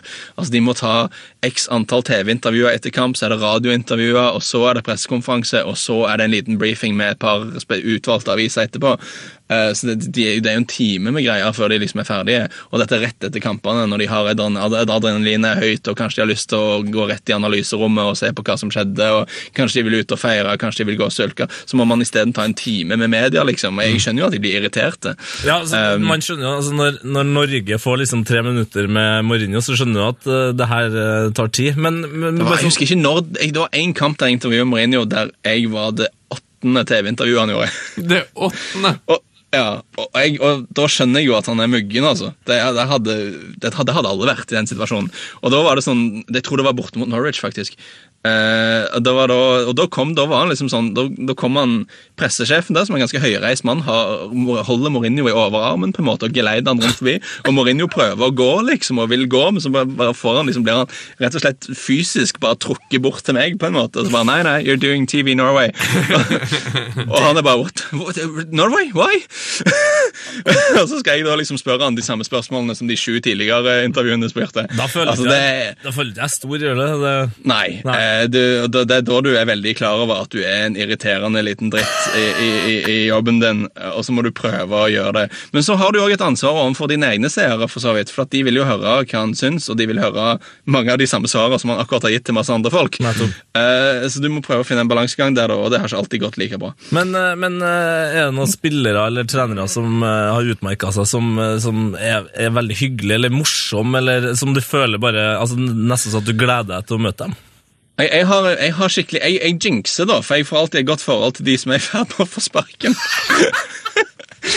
Sånn, hvis jeg, skulle liste, jeg, jeg tenkte på det når du nevnte det her, at vi skulle snakke litt om dette. Av de trenerne som jeg har hatt liksom god tone med, Ja. så er det liksom sånn Chris Huton, som alltid er i ferd med å få sparken et eller annet sted. Eh, Martin Joll, som var kontinuerlig under press når jeg var der. Eh, Vyas Boas, som jo gikk skikkelig gale for. Altså Alle disse her som er på randen av å bli sparka ut, så kommer jeg godt overens med. liksom. Kanskje det er noe med at jeg liker folk som er litt sånn, som sliter litt med et eller annet. Eller kanskje det, Vi, eller, via Sporas var, så- det var, Jeg var på en sånn kickoff-event der vi skulle intervjue litt forskjellige folk, og det var masse sånne celebriteter samla på samme sted. Så sto vi i ei rekke med sånn ni-ti journalister, og så kom Via Boas gående forbi. Så stoppet han og nikka og hilste på meg, av alle, liksom. Da, det, det følte jeg var et stort øyeblikk. Men så, men, men, men så gikk det jo skikkelig til helvete for han òg, så det var kanskje ikke så kult å være kamerat med Via Boas likevel. Ja, men jeg tenker jo at det, det du sier om at du blir venn med de som får sparken, det er jo kanskje et tegn òg på at eh, de, de som på en måte er de sterke lederne, eh, de er litt drittsekk og litt vanskeligere å komme inn på enn Ja, altså, det, altså, det, Hvis men, han er, hvis han er kompis, så blir han kanskje ikke eh, set out til å være manager i Premier League. Det er nok noe der. Jeg husker kampen alle forsto at Martin Joll var ferdig i Fulham, for jeg har gjort masse Fulham pga. de norske spillerne. Eh, kampen der alle skjønte at nå er Joll ferdig, det var når de tapte bort mot Westham. Mm. Og det er normalt sett når en manager er under masse press, og de har hatt et dårlig resultat, så vil da pressesjefen prøve prøve å skjerme dem litt. Eh, så da, får du, da tenker du at ok, nå får jeg sikkert ikke Joll i dag. Eh, og hvis jeg får han, så er det to spørsmål eller noe. Uh, men så kom jeg da bak de, der de rommene der intervjuene skal skje, og spurte pressesjefen i Fulham uh, du, hva, hva skjer med Martin i dag. Så sier hun nei, jeg intervjuer han så mye du vil. Da tenkte jeg åh, nei, nei. da får han definitivt sparken. Nå har klubben gitt opp og prøver liksom nå gidder de ikke beskytte han engang. Nå, nå, nå går det ille her. Nei, men Jeg, jeg har to, to historier jeg kan nevne. Um, jeg har vært en sånn, og det, det er kanskje mange vet at jeg er Tottenham-tilhenger. Uh, og, og en sånn stor ironi oppi alt dette her er at jeg har blitt en sånn skikkelig sånn uh, lykkedyr for Arsenal. Alltid når jeg dekker Arsenal-kamper, så vinner de, og de vinner mye. Det er en sånn to, tomålsseier eller mer nesten hver eneste gang jeg dekker Arsenal. Uh, og det er jo litt sånn, det var litt bittert i starten, men så blir det litt morsomt etter hvert. Og, og det er blitt sånn at en av pressefolka i Arsenal, hvis jeg dukker opp i presserommet før kamp, liksom, så er det bare Hei, glimrende, gode nyheter. Da er det tre poeng i det. Uh, og derfor har jeg liksom uh, Jeg tror ikke han hadde kjent meg igjen på gata, men, men, men, men Wenger på en måte Jeg tror han assosierer å bli intervjua av meg med, med gode dager. Da, på en måte. Så, så hvis, Arsenal, det- hvis Arsenal må bytte maskot, så kan det fort plutselig være at det skjer Ja, det- en det hadde vært noe. at, Ja, det, kanskje det er du som blir maskoten? Det Ja. har vært konge. Sprunget rundt en- på Emirates der. Med jeg som nye Gunnersaurus, da. En litt mer skjeggete Gunnersaurus. Men, men det var en kamp, det var, et, det var den kampen Wiggen rykka ned, faktisk. Da de slo Wiggen på hjemmebane. Kampen var litt kjedelig, for Wiggen møtte ikke opp omtrent. Og jeg hadde gjort fem på gata i regnet før, som alltid er jækla deprimerende å holde på med. Uh, og, og, det var ikke bra, liksom. Jeg fikk beskjed med en gang etter kampen at jeg ikke kom til å få noen spillere fra Arsenal. Så, åh. så det, det skikkelig mislykka, liksom. Og Roberto Martinez ville ikke snakke, for han hadde rykka ned. Uh, og det så dårlig ut med Wenger òg, for at det er sånn de må eh, snakke med den engelske vertskapskringkasteren, enten det er Sky eller BT som sender kampen. Så må de snakke med de, det er kontraktsfesta. De må snakke med BBC. Eh, og de må snakke med Al Jazeera. Det er nytt nå. Bean Sport har gjort en deal med at de må få de. Men av de andre utenlandske TV-selskapene så må de, de De må ikke ta noen av de. Jeg tror de skal høre til å ta en eller to, men de må ikke. Nei. Og hvis de tar en eller to, spesielt med Wenger, du kan tenke deg han, har, han er ikke han er kald og våt, og han har lyst til å dra hjem og sånne ting. Og, Glidelåsen er har vært vanskelig. Og... ja, snakke, ja, glidelåsen er frustrerende Takk. Selv om han vant, da, så var det, det var jo selvfølgelig, jeg var jo der, så det var jo selvfølgelig Arsenal-seier. Eh, men, eh, men så han snakka med Sky, og han har snakka med BBC. Og han skal ha han snakket, Al Jazeera var ikke der, tror jeg. Jeg tror de hadde gått seg vill eller noe. Altså, så skulle han da én utenlandsk kringkaster, og da normalt sett er jo det Kanal Pluss fra Frankrike som skal ha Wenger. Men, men Kanal Pluss på en måte er det egentlig ingen som liker eh, i, i pressesøkene. Fordi de, de, de holder på altfor lenge. De stiller alltid mye flere spørsmål. Altså, du får som regel beskjed om tre spørsmål, to spørsmål, liksom. og så står det en fyr bak deg og pirker deg i ryggen når du må slutte opp, opp på en måte. Eh, Uh, og Kanal Pluss driter drit i dette. Fra, Kanal Pluss fra Frankrike stiller så mange spørsmål de bare vil. Og de er litt sånn arrogante franskmenn, så ingen liker Kanal Pluss. Så vi var da i en situasjon her der jeg, kan jeg, nå har jeg, ingenting har gått veien i dag, sier jeg til han pressefaren. Jeg, jeg har en skikkelig dårlig dag her. Kan du fikse Wenger for meg på en eller annen måte? Nå er jeg liksom lykkedyret deres, så sa jeg det. Ja.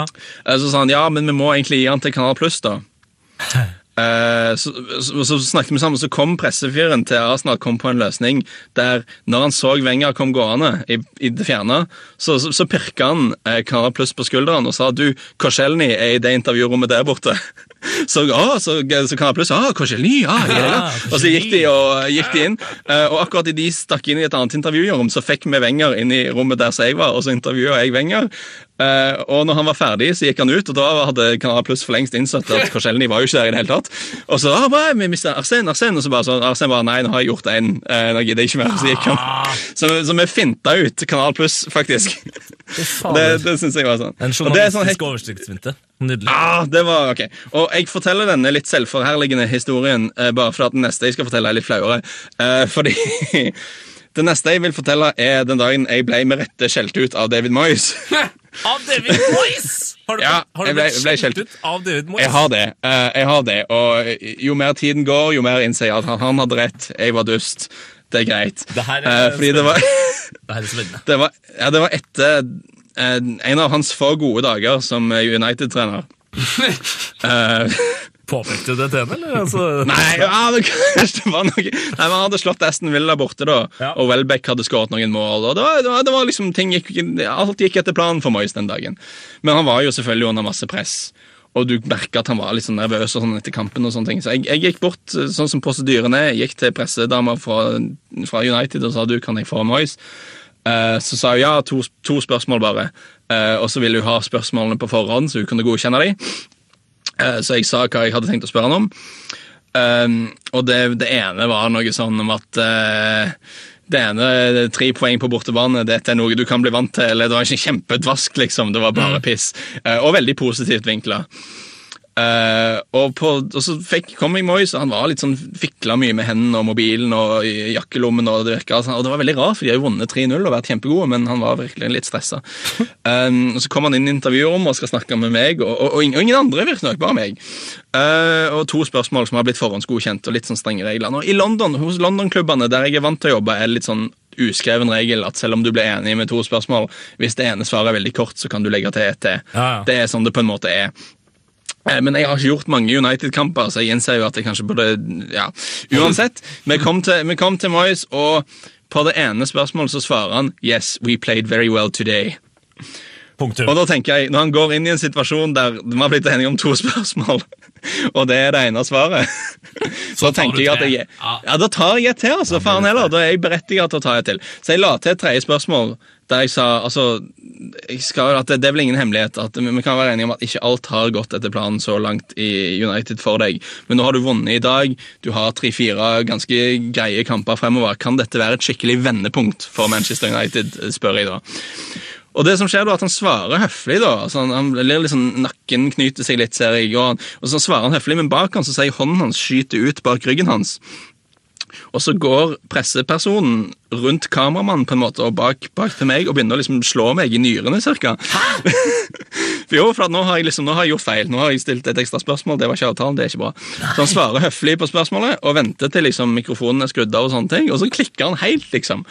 Og på skotsk, Jeg skal ikke prøve å imitere aksenten hans engang, for det går dårlig.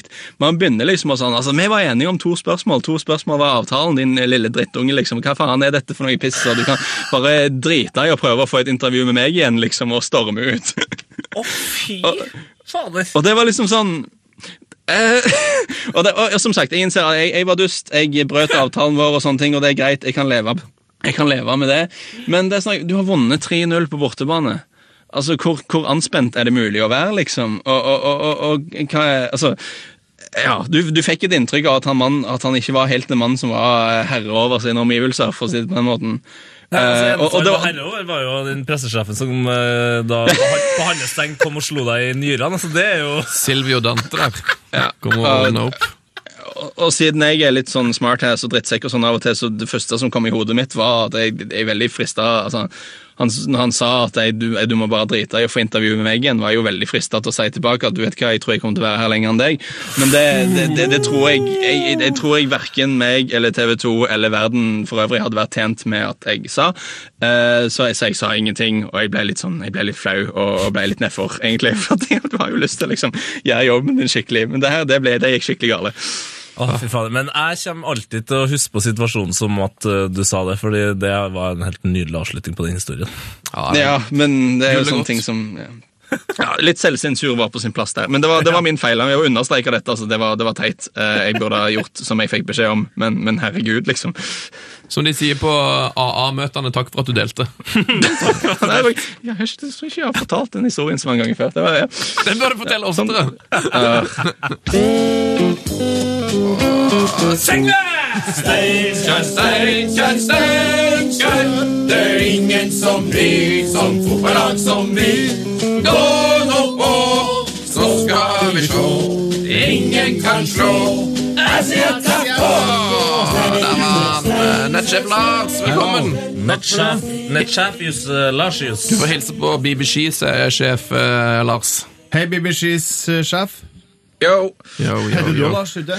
Han heter Lars, han òg. Ja. Ja. Men du er ikke nettsjef? Så, det- men det er 50 Lars her nå. Det er 50% Lars. Å, herre min, Det, det det, er så det er jo en, eh, det en eh, Sånn, ja, bør, sånn, det, bør det være. sånn bør det Det være. Ja, altså, minst, minst 50% Lars. Eh, Hva har du å berette fra breddefotballen, nettsjef Lars? Eh, jo, nå, og vi må jo gå rett på NM for menn, tenker jeg.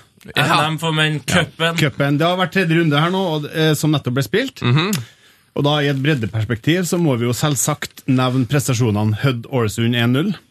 Det er jo røff, Røf, raft. Og Strømmen som slo storebror Lillestrøm eh, 2-1. Store Ja. Store, Storestrømmen. Ja. Men det vi er her for, er jo egentlig selvsagt å hylle andredivisjonslaget Tromsdalen, som skåra seks mål mot Bodø-Glimt og vant 6-2. Hva skjedde verden? Hva var det som skjedde? Kommer de til å vinne cupen nå, Lars? Åh, det har vært digg, for jeg er litt uh, Tromsdalen-fan. vet du. det en, Du er født i Tromsø. Jeg er født i Tromsø, jeg bodde i Tromsdalen. så det er en slags tromsøling? Og så har jeg krøller, og han spiller jo på krøllgresset. Så det, er jo- Ok. Eh, og, og, okay. og det var en liten digresjon. Ja. Men og andredivisjonslaget Kvikkhalden, som slo Godset 4-2 på straffesparkkonk. straffespark. Ja, de har vel bare gått videre på straffekonka! Enn det er tredje gangen. i- er jo, men da er de jo det perfekte cuplaget. Mine penger går på Kvikkhalden. kan, kan de gå hele veien til finalen? Det hadde vært- På straffespark? Det hadde vært gøy. Det vært digg. Straffelaget. Åh. Eh, ja, det har jo nettopp Altså, akkurat nå var det jo trekning i fjerde runde. Ja. Har dere snakka om det? Nei, det har vi ikke. Uh, det som er rart her, det er jo ingen eliteserielag som møtes. Nei, det er sant, det. Og er det, er det et komplott mot eh, breddefotballen, eller er det, er det bra for breddefotballen? Hva tror dere? Jeg tror ikke det er bra for breddefotballen at de bare møter At alle tippeligalag kan møte dårligere motstand. For da blir det jo sikkert bare tippeligalag i finalen. Ja, men Det er jo gøy med altså, cupbombe, er det ikke det, Lars Ivertsen? Liker man ikke en god, mm? liker man ikke en god cupbombe? Man liker en god cupbombe. Det, har jo det har jo bare vært cupbomber i Norge nå lenger. Det er jo nesten bombe om tippeliga og lagklubbene går for å gå gjennom. Ja, for, eh, eh, hvem er det RBK møter, eksempel? Spiller hjemme mot Trom Tromsdalen. Mot Tromsdalen. Ikke sant? Altså, RBK rykker mot Follo altså, tidligere. Altså, her, Vålerenga ryker jo hele tida. Altså, alle, altså, alle store lag i Norge ryker jo. Altså, altså, Pål André Helleland spiller jo ikke cupfinale med Rosenborg. Han gjør det med Hødd. Så, ja. Sånn er det. Ja. Sånn, eh, så jeg, Det jeg, jeg, jeg tror det er bare kjempebra. Det som er eventyrberetninga. Ja. Vi kan snu det opp ned og si at det blir sånn at hvis, hvis ingen ryker, så er det krise for breddefotballen i Norge. Det er krise i breddefotballen! Du, det, det får vi se da etter eh, neste runde. uh, skal vi gå videre til neste sak? Ja, se la oss Ja. det. Du, uh, NFF, Norges Fotballforbund, som det står for, eh, innfører faktisk den nye retningslinja for å bedre fotballforeldres atferd. Ja, det, en, det var på tide. ja, en foreldrefri sone på banen. yes, yes. Det er da her snakk om foreldre som blander seg litt vel mye oppi lagledere og dommere sine oppgaver i kampens hete, og det har vært et problem lenge i barne- og ungdomsfotballen, skriver NRK Vestfold. Det tror jeg på. Eh, Vi husker da eh, for et par uker siden en sak fra Hamar som het Voksenkrangel ødela fotballkamp for sjuåringer. Og Der en dommer på tolv år satt og grein, og det var bare, bare kaos. Altså, og det det- skal, er jo skammelig. Ja, det er mørkt, du. Eh, Men nå innfører da NFF regler da, som gjelder barnefotball i aldersgruppen 6-12 år. Det betyr at foreldre, eller alle som ikke har noe direkte med kampen eller laget å gjøre, da, blir henvist til motsatt side av eh, banen ja, Ja. i forhold til trenerbenken. Da. Da, da, da er det lurt for dommeren å holde seg på trenerbenksida. Skjønner jeg. Så han er ikke alene med foreldrene, liksom. ja, går rett ut. Eh, Så lurer jeg på hva syns dere om det? det er jo, de er jo ivrige, foreldrene. Jeg synes det er et fint tiltak, eh, og et tegn på at folk altså, Det er veldig bra med engasjement, men ja, man altså, må, er, gi, gi, må ikke gi 110 må holde seg på 95 Jeg syns det er utrolig mørkt at det har gått så langt. Ja. Altså, det, det, altså, jeg husker jo sjøl at jeg var Jeg skal ikke nevne navn her, men jeg var livredd for å spille på Å, å bytte ving eh, med den ene kompisen min, fordi faren hans var Altså, han var så skummel. Du klarte aldri å legge inn når han sto og brølte bak deg, liksom. Jeg er litt enig med dere, men, øh, og det kan være nyttig, da, i hvert fall der det er liksom skikkelig Texas, men det kan være dårlig for samholdet, da, for at du liksom putter foreldrene og dem som skal liksom backe opp laget, langt, lengst unna. Nei da, men du får trykk, du får trykk rundt om på Du får ta med seg trommene og Ja, ja, litt sånn på. megafon og sånn. da. Ja, Heller eh, hei på fotball istedenfor å krangle. Enig. Ja. Vi går videre til siste sak. Ja. Siste sak! Ja. Eh, det her eh, er en rykende fersk rapport fra NFF, som kom eh, 4. juni, altså i går. Ja. Rapporten heter Statistikk breddefotball 2014. Å, dæven. Det høres ut som en lang rapport. Å, det er det breieste spillet jeg har sett fra deg på en stund, Lars. Dette likte du. Herregud, det her er jo Det er porno for er, Lars. ja, det er en slags eh, state of the union da, sant, for breddefotball. Okay. Ja. Tenkte bare jeg skulle nevne et par nøkkelpoeng her, Gjør som det. kanskje kommer overraskende for noen her.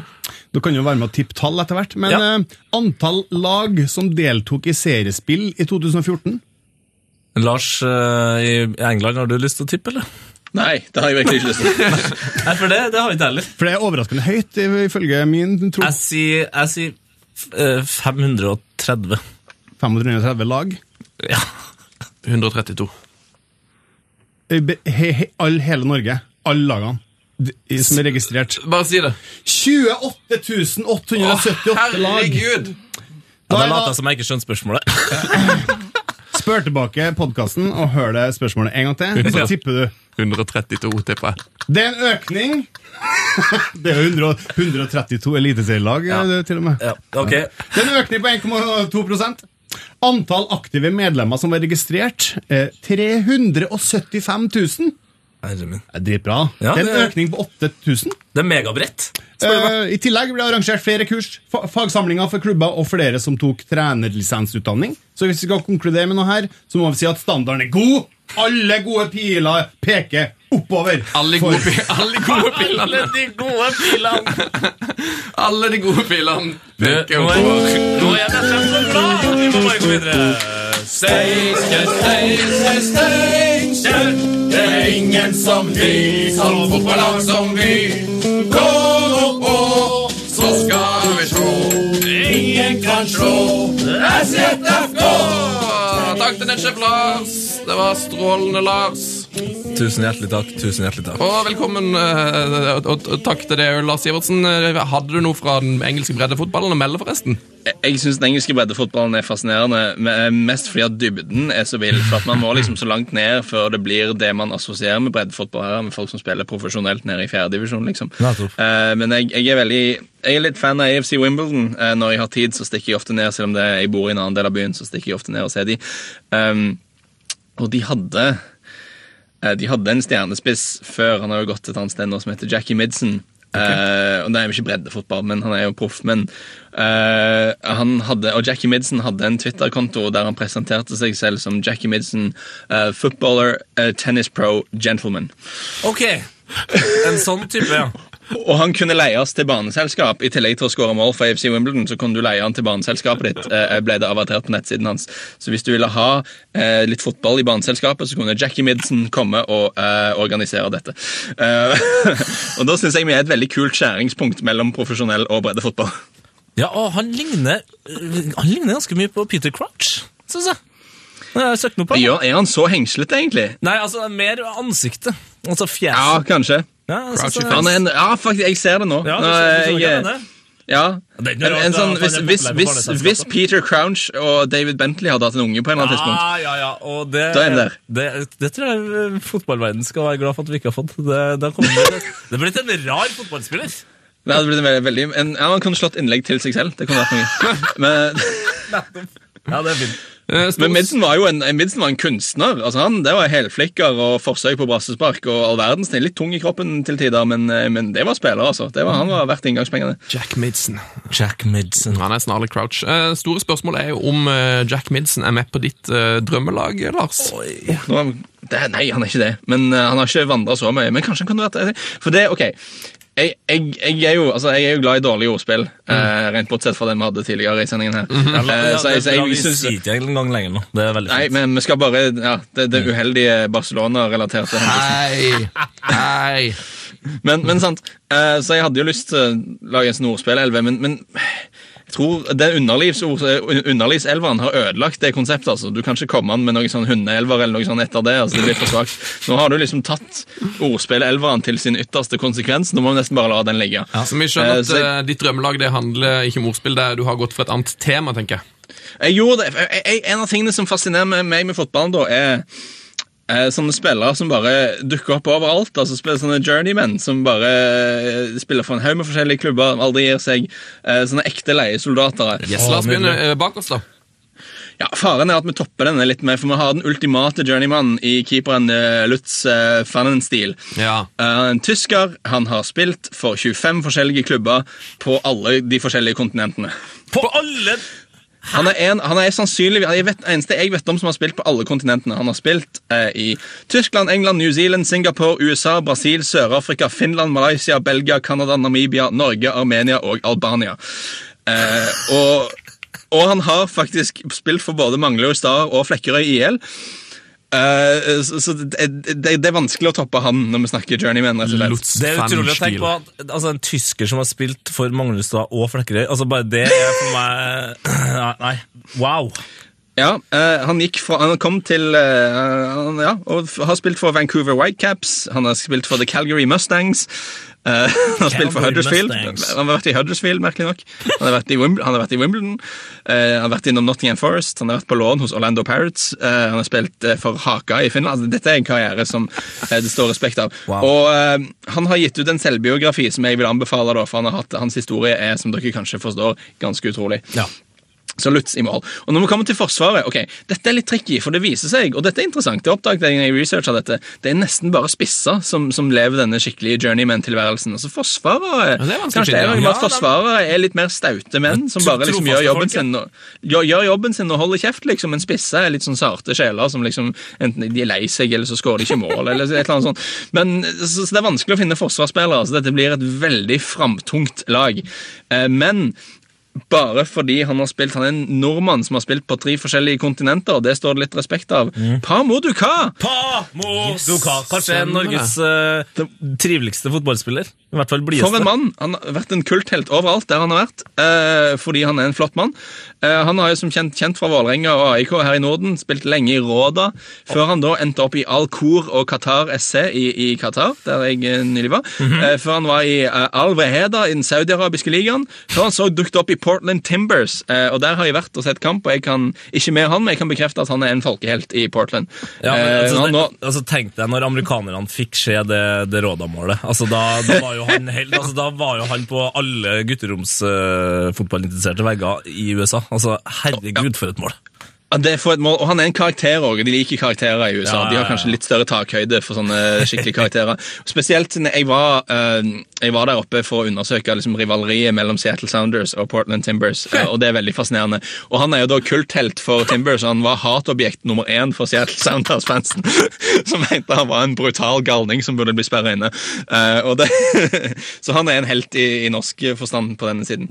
Nå går vi videre. Da er vi allerede i midtbanen, og det er én forsvarsspiller her, så Par får en eh, tøff jobb, men, men jeg tror han er en mann som kan gjøre den jobben.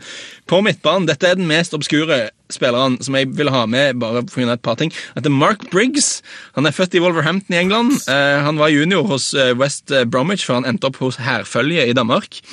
Men, men, men senere i karrieren hans har han vært veldig mye rundt forbi, inkludert sånn Northwich Victoria, Reading, eh, Redditch United, eh, Welshpool Town. Men han har spilt for mitt favorittlag sånn navnmessig i universet. Han har spilt for The Kalamazoo Outrage. Kalamazoo Outrage! The Kalamazoo Outrage er et eh, faktisk eh, navn på en faktisk fotballklubb i USA. Eh, jeg tror ikke den eksisterer lenger nå, men den eksisterte en liten stund. Så, så Mark Briggs spilte for The Kalamazoo Outrage. Han spilte etterpå for The Wilmington Hammerheads. Eh, han har vært på lån hos Charleston Battery. Um, Har han plukka klubben på navn, eller? Det er jo bare. Kanskje. Men òg Mark Briggs, dette er en fantastisk historie. Han spilte i den maltesiske førstedivisjonen for Mosta, der han havna i trøbbel med klubben sin fordi de, de oppdaget at han jobba på deltid som byggearbeider. Uh, og det var ikke en del av dealen, da. Han skulle egentlig være heltidsfotballspiller, men hadde drevet litt sånn bygningsarbeid på si, uh, og da ble klubben veldig sinte. Så Mark Briggs Han spilte for en klubb i Malta som heter Mosta. Er ikke hun Ja. enig i, i Du skal høre mye? Eller noe sånt? Mosta, eller sånn, eller sånn nordnorsk? Mossa! Heter det, ja. Ok, der, der. Ja. Så- Så videre fra Mark Briggs til Nei, det var Premier League-generasjonen husker nok denne mannen. Rowan Ricketts. Rowan Ricketts. Rowan Ricketts. på et periode eller noe. Nei, nå, nå tenker du på Michael Ricketts. Eh, Så, og, og han, hvis du skal ha en sånn One Season Wonder-11, så er han en god kandidat. Men uansett, Rowan Ricketts, Arsenal junior, eh, som ikke slo gjennom i Arsenal, så han stakk over til Tottenham. Det er jo litt sånn mistenksomt i seg selv. Ja, ja. Før han da slengte litt rundt i ligasystemet for Coventry og Wolverhampton og var innom QPR og Barnsley og sånne ting. Men så, gikk det, så ble det merkelig. Og dette er noe jeg oppdager. Engelskmenn reiser sjelden til utlandet, men når de gjør det, eh, blir det fort merkelig. For han dro etter Barnsley til Toronto, greit nok. Ja. Men så dro han til Diosguri VTK, eh, Wow. som jeg tror er i Ungarn. Eh, så dro han til eh, Dacia Chisnau i Moldova. Fy. Så var han en tur innom eh, Tyskland, så til Irland. Det, det berømte klubbfotballdestinasjonen Irland. Før han dro, endte opp i India, Ecuador og til slutt i Thailand, der han er fortsatt, slik jeg forstår det. I Thailand? Ja, Faen, jeg var, jo, jeg var jo nettopp i Thailand. Jeg visste det her før det, så jeg oppsøkte den. Det er veldig gøy å Ja. google han fyren her, for du finner jo da altså draktbildene i sju-åtte forskjellige drakter. Ja, og, og Wik Wikipedia-bildet hans er ganske nydelig. Det Ja. skal sies. Men ja. videre fra Rowan Ricketts. Uh, og her, kanskje ikke en så journeyman, men som et eksempel på en mann som tyner absolutt alt ut av karrieren sin. Rivaldo. Rivaldo. Rivaldo, som hadde en vanlig sånn brasiliansk superstjernekarriere, egentlig, der med at han gjorde det bra i Palmeiras, gikk til Europa, til Deportivo som en sånn mellomstasjon, og så superstjerne i Barcelona. Så var han litt på hell, så da gikk han til Milan, som folk som er på hell ofte gjør. Uh, før han så gikk til uh, gresk fotball, der stjerner som er enda lenger på hell, gjerne ender opp. Det, det, altså, det, er så, så langt, helt normalt. Og så endte han opp tilbake i brasiliansk fotball. og Det, det, virker jo som en helt vanlig uh, karriere, men problemet var Nei, forklare, Problemet var at etter Hellas så dro han til Usbekistan Ja, det stemmer. Det her har vi og snakka om. spilte for Bunyod Kor. Altså. I to sesonger, faktisk. Men så, når man trodde det var over med Rivaldo, og når det strengt tatt burde være over med Rivaldo, så dukker han opp i Angola. Og da Da, For Kabuskår. da er du virkelig på tur, altså. Ja. Når du drar fra Hellas til Usbekistan, til Brasil og tilbake til Angola, og så tilbake til Brasil igjen. Så, og da var han jo hundegammel da på slutten. altså. Han er jo eh, 43 nå, det er ikke lenge siden han ga seg. Så, eh, så Rivaldo, eh, kanskje en super journeyman, men får kred for å liksom tyne penger ut av karrieren sin på merkelige måter. Altså Fra VM-finalen til Usbekistan og Angola. Altså det, det er helt utrolig. Det er meget spesielt. Og nå kommer vi allerede til spissrekka. så Det, det, det, det er en slags spissrekke vi har her. Hvor mange spisser har du, tror du? Eh, Det er vel seks, tror jeg. Eh, Den er, den er haug med spisser. Kjør på. Eh, Det er seks spisser. Det. Men, men, men, men i denne kategorien så er det spissene som, som stiller Som virkelig sterkt. Ja. Og da starter vi med Mario Jardel. Ah, Som fenomenal i, i Portugal i sin tid. Hadde 130 mål på 125 kamper for Porto. Det er galskap. sykt. Det er galskap. Og så 22 mål på 24 kamper for Galatasaray, så tilbake til Portugal, der han hadde 53 mål på 49 kamper for Sporting. Og da tenker vi, for en karriere. Men så gikk han til Bolton. uh, og det var begynnelsen på slutten. Da hadde han null mål på sju kamper. Og så uh, til Ancona i Italia, til Newells Old Boys, Deportivo Alaves, Goyas, Beiramar, Anathorsis Famagusta, Newcastle Jets eh, Oi, det kan jeg ikke uttale. Flere, flere ting jeg ikke Og så til en haug med land som er vanskelig å uttale. Eh, Og, og, og, og han ender opp med å spille for Han har spilt i England, Italia, Spania, Kypros, Bulgaria, Argentina og Australia. Eh, og han dukna opp i 2010 dukte han opp i Bulgaria. Eh, Altså, det, det, han får en karriere, og hvis du ser, altså Etter Bolton-tiden eh, så gikk det ille for eh, Jardel. Eh, han hadde veldig veldig mange klubber på veldig kort tid og skårte veldig få mål. Så Det er også en sånn, det er vel kanskje noe brasilianere gjør. altså De tyner ut penger etter eh, Det er noe vi alle gjør. Jo, jo, men, men, men det, det er ganske utrolig med, med den starten på karrieren han hadde, at, det, at, at du ikke liksom nå skulle begynne å nevne United, Inter Milan, Barcelona. altså det, det gikk rett på huet og ræva ut etter den Bolton-kampen. Nei, Ja, Sju kamper, sju kamper for Bolton, og så var det slutt. Det minner jo litt om Naka, Hidetoshi Nakata, ikonet fra, fra Japan. Eh, som var en magisk spiller, men eh, som la opp i en alder av 29 år for at han bare mista livsgnisten og ville ikke spille fotball mer. Det var etter han hadde vært i Bolton på lån. Så det, det, det er noe med Bolton som bare liksom suger det ut av folk.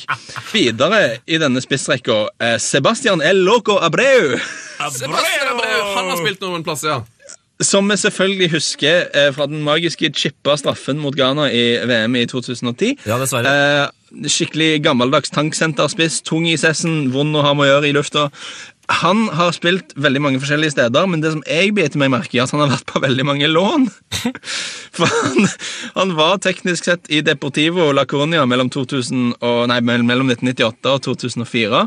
Men i den perioden gikk han på 1, 2, 3, 4, 5, 6, 7 forskjellige lån. Og han eh, hadde senere i karrieren eh, fire låneopp til, så han hadde elleve låneopphold i løpet av karrieren sin. Nei, men det- I tillegg til å spille for Beita Jerusalem, så det er jo litt merkelig òg, for så vidt. Han har spilt der òg, ja. Ja da. Eller han har vært der, jeg vet ikke om han spilte så mye, men han var der i hvert fall. Så det, det er ganske, Han var der, ja. ganske magisk karriere. Igjen, ny mann, ny spiss. Merkelig engelskmann igjen, Jay Bothroyd. Jay Bothroyd. Igjen, når engelskmenn først drar til utlandet, blir det ofte merkelig. For Jay Bothroyd, etter å ha vært en sånn ok spiss for Coventry, dro han til Perugia i Serie A. ja. Og det kan kategoriseres som en litt rar overgang. Tilbake til England, der han slang litt rundt og sånn igjen. Men etter karrieren hans i England var ferdig, da, så dro han til Muang Thong United, igjen i Thailand. Hva er det med engelskmenn og Thailand? Altså, jeg... Det, det, det hadde vel kanskje vært verdt å undersøke. Han ser jo ut som en party, partygutt, altså, det kan nok være derfor. Men, men, men framfor å bare gå under i Thailand, da, så var han i Thailand i én sesong før han dro til Japan og spiller nå for Jubilo Iwata i eh, den japanske serien. Wow. Så han er aktiv fortsatt, Jay Bothroyd. Han, han er der ute. Han er der ennå! Legg opp, der. Jay! Legg Nei, opp! han er, han er bare 33 år. Spill videre, Jay! Legg opp! Og så, og dette, ok, Vi har ikke hatt noen sånne ekte For dette er noe litt særtypisk med den engelske kulturen. De sånne engelske lower league journeymen som bare slenger rundt og spiller for alle klubber som kan betale dem, og bare er der. Og den supertypiske eksempler på det Steve Claridge. Steve Claridge. Steve Claridge. Som alle som hører mye på radio her i England, kjenner til. Han er ofte brukt eh, studioekspert eh, i mange forskjellige flater. Eh, som er kjent for han har spilt for 20 forskjellige klubber. Ja. Han har spilt på alle nivåer av engelsk fotball, og han har spilt i over 1000 profesjonelle eller semiprofesjonelle kamper. Å, herre min Jeg visste ikke det var så ille.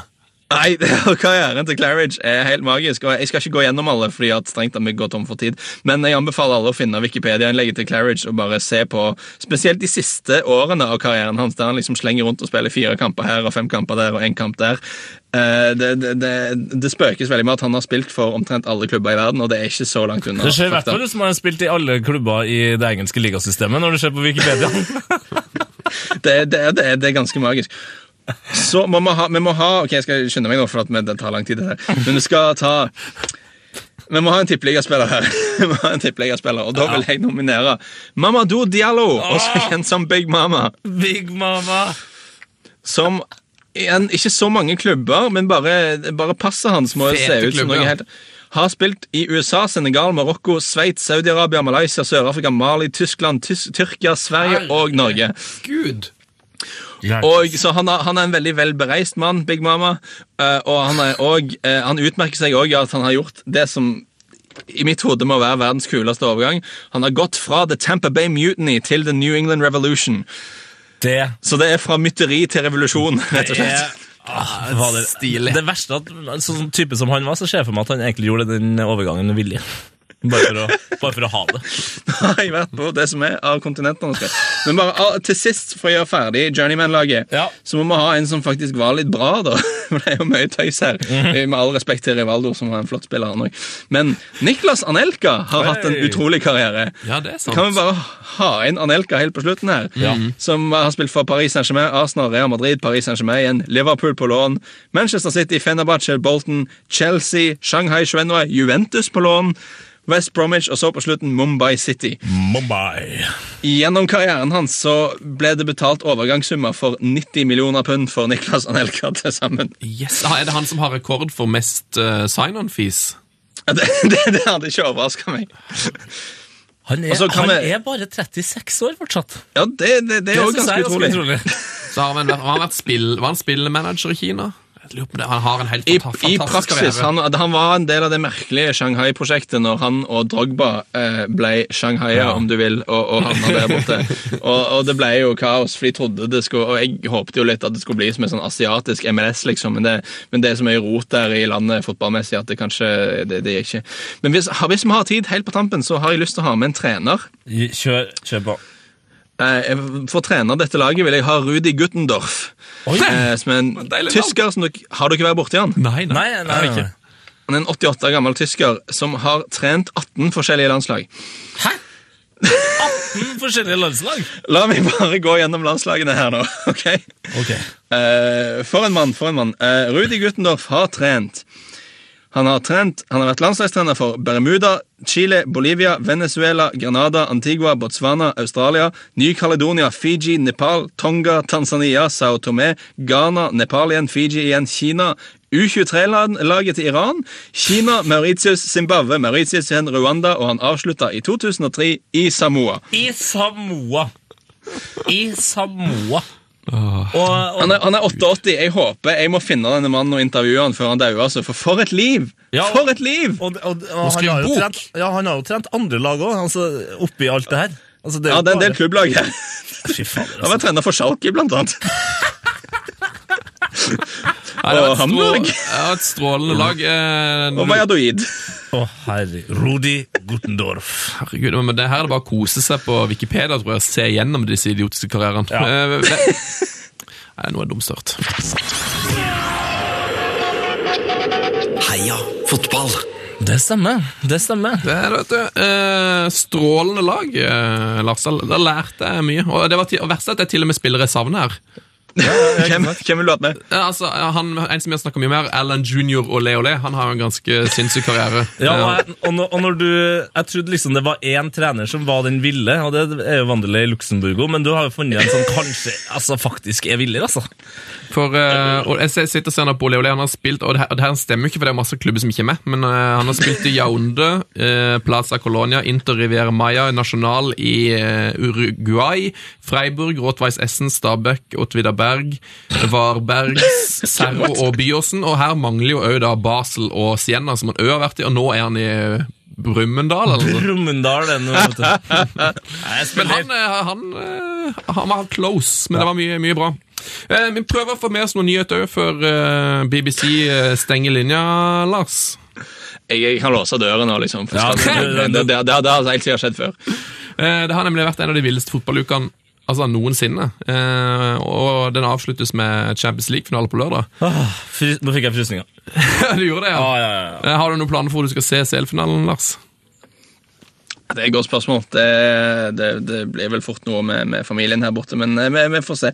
Eh, Det er litt sånn balansegang om det er best å Nei, vi må nesten ut på pub, må vi ikke det? Nå som jeg tenker på det. det er jo, Stua er jo greit, det, men det, vi må nesten ut blant folket på en sånn Ja, vi, vi vurderer stue, tror jeg. Eh, hjemmelagd mat og Ja, men det, det jeg tenker vi skal innføre, fordi det som er det digge med pub på en Champions League-finale, at det er så fullt at man må stå. Ja. Så jeg, jeg lurer på om Ja. vi må stå eh, mens vi er i stua. Det er jo greit. Så kan vi også ha en sånn Vi må ha et mattema her, da, hvis vi skal ta det i stua. Så kan vi jo liksom lage, lage italiensk mat, lage tapas, kjøpe inn italiensk og spansk vin, eller øl om du vil. Og så kan man ta en vurdering på hvem som vinner kampen, men òg hvem som vinner maten.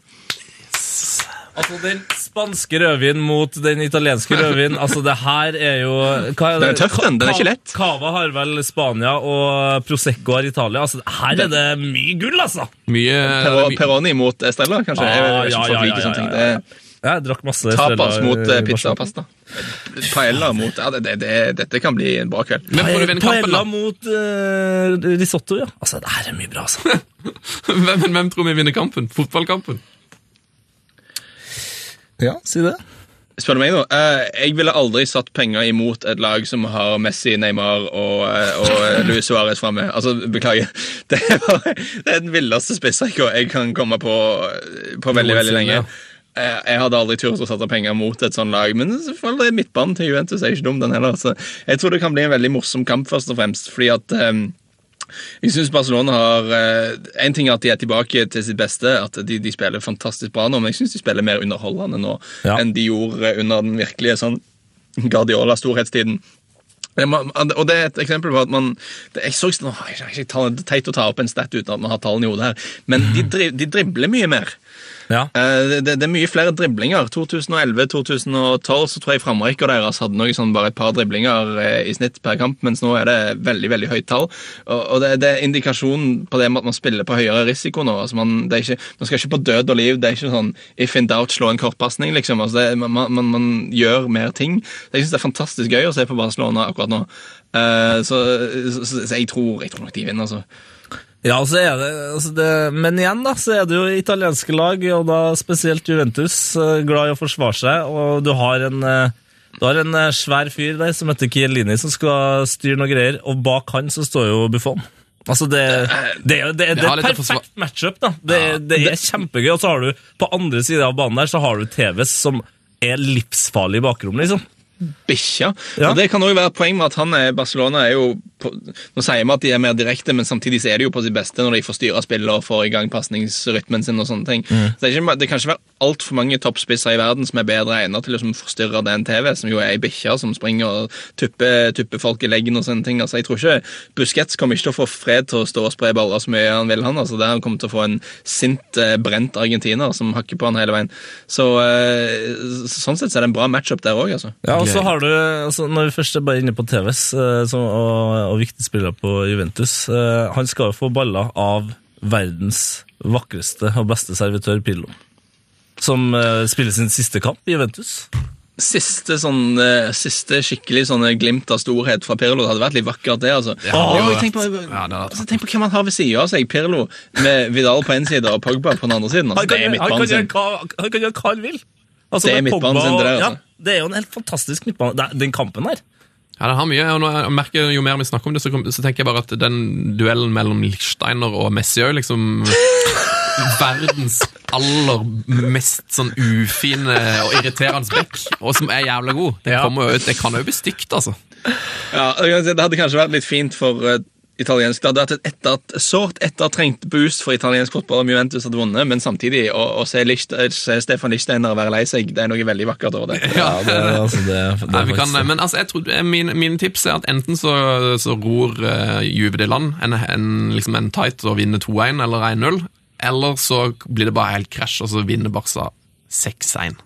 Og bare leder 5-0 etter fire minutter. Etter 35 Det, ja, men det er akkurat det som er med den kampen. Det kan her. skje, liksom. er, det er to dritstore lag som er skikkelig gode på nesten, altså det aller meste, Mm. men den er helt åpen. Ja, det er åpent. Eh, Pirlo bytter klubb. Nå får eh, de altså i, i, City, i New York City så får de Lampard, Pirlo og Mix på midtbanen. Tenkte jeg det. Altså, Vi bare smaker litt på det. Lampard, Pirlo og Mix. Midtbanen. Det er deilig. David Villa framme. David, David er framme. Vi. Skal vi fikse det. Så Det blir noen ok stikkpasninger der. Ja, det, det skal være mulig å få skåret noen mål for han eh, i framtida. Eh, Brann har fått ny trener. Eh, Lars Arne Nilsen. Faren til Sivert, Helte-Nilsen. Starta med et brak. To seire. Ja. Eh, Du har jo bodd i Bergen en periode, du, Lars. Eh, Merker du at, at folk ser lysere på livet der borte? Man, man vinner jo fotballkamper. Men, men, men Brann trenger Brann trenger å bare liksom gjøre the basics riktig nå. De trenger ikke en frelser, de trenger ikke sponsormillioner i øst og vest. De trenger bare en skikkelig dyktig fagmann som kan være sjef for det laget, og som kan bygge opp et lag som kan gjøre noe skikkelig. Altså, det, var, det var jo kjempemorsomt når Brann rykte ned. Jeg tror alle syntes det var veldig komisk. Jeg tror ikke alle syntes det var veldig komisk. altså, ok, Hvis vi ser bort fra folk i Bergen, da. Altså, Ja. det- den, den, den gjengse befolkningen uh, syns nok det var ganske gøy, men nå Tippeligaen er jo fattigere uten Brann. Vi må jo innse det. og at norsk fotball, er, norsk fotball er morsommere med et sterkt Brann, så jeg håper de får bygd opp noe skikkelig der nå. Eh, skal vi ta en nyhet eh, til her? Jeg ser eh, Blackpool-manageren kreves sparka samme dag som han fikk jobben. Den klubben der. Altså, Er du, er du overraska, Lars? Nei. men, det- men, men, du, altså, du som bor i England, du har jo grei koll på Blackpool, tenker jeg. Altså, det... Altså, jeg synes Det er så morsomt, for i England er man veldig opptatt over at liksom, utenlandske eiere ødelegger engelsk fotball. Altså Carl Austin, Mike Ashley Jeg vet ikke. Jeg tror man har nok med engelske eiere. Ja. Eh, ja, nei, det er selvfølgelig det er en tragedie, det som skjer med Blackpool. og det, det, det er sånn, det er vanskelig for meg, ok, Hvis du eier klubben, så kan du kanskje gjøre med den sånn som du vil, men samtidig så må du også forstå at en, klubb er viktig for lokalsamfunnet. og en klubb bør, Det bør være en slags forbindelse mellom fansen og hva fansen vil, og hva klubben gjør. og sånne ting. Så Det som skjer i Blackburn, er, det er morsomt, men det er òg en tragedie. Eh, Det som enda en, en det går bedre med, er Jon Arne Riise. Eh, vi har snakka om han mye her i podkasten, og nå har det endelig skjedd, Tete. Han, har jo sa, han sa jo i slutten av mai at eh, det kommer en stor nyhet i, i juni. Ja. Og Nå er det klart. Eh, nå skjer det. Han kan avsløre nå at han skal, altså, det skal lages en dokumentar, en usensurert film om, om hans liv. Min mulighet til å fortelle folk hvem jeg er. Uh, Hans- Kan du lese på kjendis.no? Hans mulighet og vår mulighet til å endelig få et ordentlig innsyn i slagene i Drammen. Tenker du det? Ja, det, ja, det, jeg håper jo at man får et svar på det, men det har man vel fått litt svar på før? har man ikke det? Jo, men altså, når hvis det skal filmes på en sånn litt, litt, kanskje litt mer dramatisk måte, så tror jeg det der kan bli topp. Vi kan jo ha Jon Carew i rollen som Jon Carew, eksempel. Mm, åh, det er gøy. Skuespilleren Carew. Ja, det går jo an. The Rock, som Jon Carew. Ja. Hva tror du om denne filmen, eh, Lars? Gleder du deg? Jeg gjør det. Jeg er litt sånn Jeg syns Jon Arne Riise får kanskje litt mer pepper enn han fortjener i Norge. Jeg synes, Det er jo ikke noe vondt i mannen. Uh, og han kan kanskje gjort og sagt ting uten å tenke seg om noe av og til, men, men, men det, det er det mange som gjør. Det, det gjør vi alle. Og jeg tror ikke det er så mye Jon altså, Kanskje privatlivet hans kjenner jeg ikke til, men det, jeg, jeg syns Jon, Ka- eh, Jon Carew Syns Jon Arne Riise kanskje ikke får så mye respekt som han egentlig fortjener, basert på hva han har gjort på banen. Hvor mange nordmenn har vunnet Champions League? Uh, han var så nær å vinne Serie A med Roma. Han har spilt på Liverpool i mange mange år. Altså, han er faktisk en av de største spillerne våre noensinne. Uh, og, Og det er gjennom, det er gjennom liksom veldig helt tydelig at det er gjennom veldig hardt arbeid.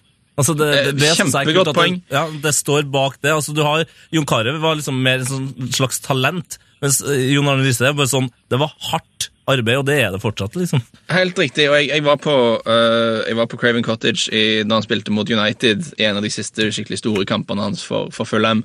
Der han liksom, etter å ikke ha spilt A-lagsfotball på flere måneder Han er venstreback godt opp i, godt opp i, opp i 30-åra og har holdt styr på kjappe vinger hele kampen. og så Et par minutter før slutt liksom, så tar han en 40-meter sprint ned hele flanken. liksom. Altså, er han er en bemerkelsesverdig godt trent mann. Uh, for å være, altså, det, er, ikke mange spillere på den alderen som er bedre trent enn han. Det er hardt arbeid. Og, og, og kanskje ok, kanskje litt sånn høy utskiftning på konefronten, og sånne ting, men altså, det, altså, privatlivet til folk er privatlivet til folk, og jeg syns han får mer pepper av folk i Norge enn han fortjener. egentlig. En helt nydelig eh, nyhet som passer veldig bra med at det er eh, eh, kvinne-VM. Fifa Spillserien får Yes. endelig damespillere. Det, det var kanskje litt sent, men når, når det endelig kommer, så er jo det topp. Det, det er helt fantastisk, og du hører jo historier om um, unge jenter som spiller i hvert fall i England, som spiller Fifa, som liksom går inn og eh, en, går inn på editoren og gir alle spillerne langt hår og sånn, sånn at ser ut som jenter. og sånt. Altså, det, er utrolig at dette har liksom foregått, at man ikke har sett at det er et marked for dette før nå. Men det, det er flott at det kommer nå, og det er flott at um, kvinnefotball blir tatt mer alvorlig enn før. Ja, ja, ja. Og det vil begynne fotball-VM eh, begynner åp åpen i dag. Første kamp i morgen. Eh, har du noen eh, Nå, nå ryker tida ifra seg når du stenger de døra di om fire minutter. Ser det er noen utenfor døra her som vil inn. Men, de, ser vel veldig, de, de glor ormt på meg. Men har du noen tips for VM eh, på de siste tre minuttene våre? Nei, det, jeg, det, nå er jeg litt sånn hyklersk her, for jeg sier at nå er kvinnefotball skal tas mer alvorlig. Men jeg skal, jeg skal være helt ærlig og si at jeg, jeg bruker ikke så mye tid på det. Og det har litt å gjøre med at jeg jobber ikke så mye med det heller. Og så, så har det litt å gjøre med at jeg aldri har brukt så mye tid på det. Så jeg, jeg, innser at jeg som en representant fra media er en del av problemet når det gjelder å ikke, ikke ta kvinnefotball mer på alvor. Så jeg skal bare erkjenne en viss, eh, en viss dobbeltmoral der. Men da- eh, og si er at jeg skal bruke, benytte anledningen nå til å bli et nytt og bedre menneske og, og faktisk se veldig mye eh, VM-kamper nå, og så kan vi heller ta en prat om det senere. Det er akkurat det. Da er både VM nå og Fifa en god mulighet til å lære seg opp på damefotball. Yes, og så, altså kan du òg, hvis du har lyst, eh, så har NRK lagt ut en, eh, en dokumentar dokumentar som heter VM-helter, som ligger i NRK eh, nett-TV, um, som er veldig fin. Eh, Og der, Jeg så den eh, nå i uka i gang, og der lærte jeg blant annet at i VM i 1991, så det første kvinne-VM-et, der varte kampene bare i 80 minutter. Så det, det har skjedd ting på damefronten siden eh, 1991. Utvilsomt.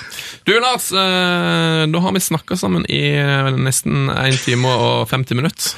Og jeg er jo klar over at jeg har drukket mye energidrikk i dag, så jeg snakker sikkert mye fortere enn det man egentlig skal gjøre på radio. Så jeg beklager overfor alle lyttere som er skikkelig slitne av å høre på at jeg snakker utrolig fort nå. Det, det er Eh, ikke noe stress, for lytterne våre vet at det finnes en eh, knapp på podkastspilleren der du kan eh, høre deg sjøl i, i litt tregere tempo. Så, så Det er en god idé. Det er en god speed ned uh, meg. Det, det tror jeg er en kjempegod idé, for at jeg er på tredje boksen med sånn koffein-energidrikk i dag. Så det tok jeg litt av nå. Hva er det du drikker, hva er det du drikker for noe? Det er relentless i dag, men det er litt tilfeldig. ja. ja, Du har vært helt relentless å ha deg her, rett og slett. Ja, det har vært strålende. Kjempegøy. Så må du ha vel hjem, og så lykke til på lørdag med den store pasta mot uh, tapasduellen. Mm. følg med på Twitter og hva Ja. som skjer der. Kanskje vi kan legge ut noen bilder og sånt. Det er jo det sosiale medier er til for. Legge ut bilder av maten din. Det Åh, går, går med aldri deg av. Du, Fanken, aller siste spørsmål eh, angående Ja. Twitter. Folk kan jo følge deg, du heter Lars Sivertsen der. Men du Jopp. heter Fjordball før! Ja, Og åssen var det? Det ble litt kontroversielt, det. Ble det vanskelig? Det er jo tidenes mest uheldige uh, Twitternavn når Fjordmann kom ut i kjølvannet 22. juli. Men det var ganske kult før, det. Det var dritkult! Det. Men hvorfor heter, hvorfor heter Fjordball? Nei, det var fordi at jeg, jeg, jeg skrev en eh, engelskspråklig blogg om tippeligaen back in the day. Og da tenkte jeg jeg skulle ha et navn til den bloggen da, som var litt som assosiert med fotball og assosiert med Norge. Så jeg synes det, det jeg kom fram til det. Fjordball. Og jeg, jeg satt jo faktisk eh, Jeg kom på det når jeg satt eh, på ei ferge på en fjord på Vestlandet, faktisk. Så det var, det var, det var veldig fjordfødt, det hele. Da fikk vi svaret på det. Nå kommer de snart til å arrestere deg hvis ikke vi avslutter, så du må ha en de, de, de, de, god helg. nei, jeg overdriver ikke at de står utenfor og ser veldig stygt på meg. Har de store batonger? Nei, men de går vel og henter de snart. Strålende, Lars. Det var veldig hyggelig å ha deg med. God helg Kjempegøy. og heia fotball. Heia fotball! Heia fotball. You've never seen anything like this. Heia fotball! Oh, yes! Oh, yes. Lars Sivertsen, han har peiling på by. Jeg har lært Han kan så mye. Og altså, vi, altså jobben vår er jo Det er jo for så vidt jobben hans òg, men jobben vår er jo snakk og husk- Fjas. Ja, men også huske på ting og sånn. Men jeg, jeg legger merke til nå at uh, det er bra jeg har noen år til jeg, jeg blir 50. Altså det, Jeg har fortsatt tid å øve på. Ikke at Lars er 50, men han er liksom Hvis jeg skal opp dit, Ja. så skal jeg øve mye. Du, Tete, du kommer aldri til å komme på det nivået. Nei, jeg vet det. Jeg, jeg, jeg, jeg liker å tro at jeg har andre egenskaper også, heldigvis. Du har annet òg. Takk. Skal vi gå til din eh, faste spalte nå? Ja, kan jeg, kan jeg få lov til å sette den i gang sjøl? Selvfølgelig. Ja, men da gjør jeg det!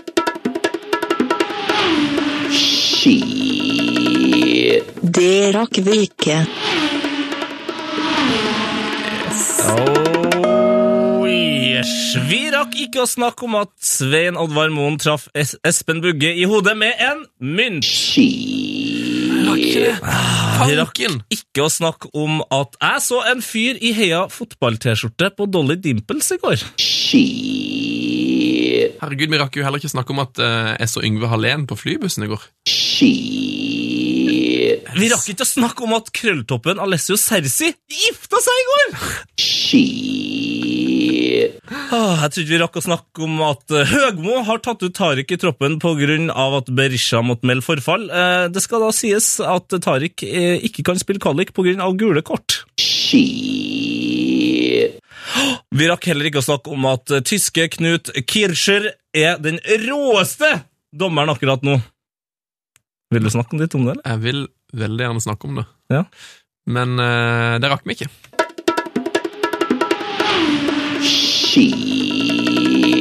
Det rakk vi ikke.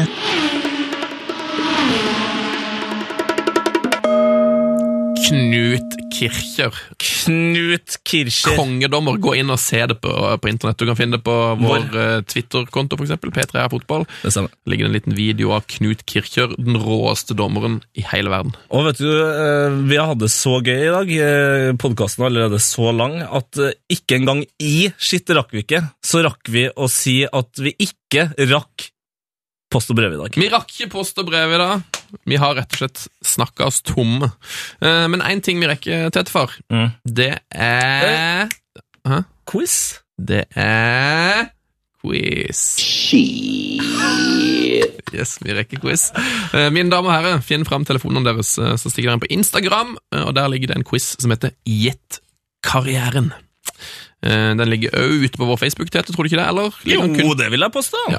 Eh, P3 Heia Fotball heter vi altså på Instagram. Eh, Og så er det viktig, da, som alltid, svar til heiafotballkrøllalfa.nrk.no, så kan du eh, bli trekket ut som vinner. Og da vinner du En Heia fotball-T-skjorte i fargen burgunder. De er veldig, Den er veldig, fine. Er veldig fin. Er det- vi kan trekke vinner av forrige ukes quiz òg. Ja, eh, nå var jo ikke jeg i forrige uke, men jeg har gjort eh, jobben min, eh, og da kan jeg jo da si at uh, ukens vinner han har navnet til et kjent uh, danseband uh, som etternavn. Han heter Kim Rune Brakstad Grannes. Gran, er, det et, er det et danseband som heter, er som heter Brakstad Grannes? Nei, Grannes. Grannes. Ja, Grannes. Eh, han har da skrevet Dette er karrieren til Dan Eggen. Endelig var Dan Eggen i quizen. Ah, krølltoppen. Og som vi dessverre fikk se under VM, ble skeiva. Ja, han måtte klippe seg for regnskogen. Ja. Det var vondt å se på, men bra for regnskogen. Det var jækla bra for regnskogen.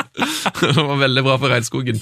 Um, skal vi gå til Glory Hall, eller skal vi snakke litt om at uh, det går an å kommentere på podkasten? Uh, ja, uh, kommenter gjerne på podkasten i iTunes. iTunes. Tunes. Det blir vi veldig, veldig veldig glad for. Ja. Eh, og jeg, har- jeg har hørt at det er, liksom, det er ganske viktig at, at du gjør det òg, for det, det er noe med at da Når du kommenterer, så blir liksom eh, blir, når, Da blir podkasten omtalt og blir liksom mer synlig i systemet til iTunes. eller sånt. Det er akkurat det, og jo mer synlig den er, jo flere har du eh, å diskutere det vi snakker om. Og jo med. bedre er det for meg og Tete å gå inn i lønnsforhandlinger med NRK hvis podkasten er populær. du, du tenker på lønn her, ja. Ja. Vi kan Ja. altså gjøre en, enda villere ting, som for eksempel eh, ha sånne store shows, eller uh, Ja! Ikke sant? Kommenter på podkasten i iTunes, skriv en liten anmeldelse. Kommenter på show, som jeg liker å kalle det. kommenter på showet. Og hvis du gjør det, så kan det være at vi kan få søke NRK om penger og begynne å reise rundt og ha Heia fotballshows. Comments for show. Kanskje vi kan komme til Hashtag comments for show. Kanskje vi kan ha intervjue Nils Arne Eggen på Samfunnet i Trondheim?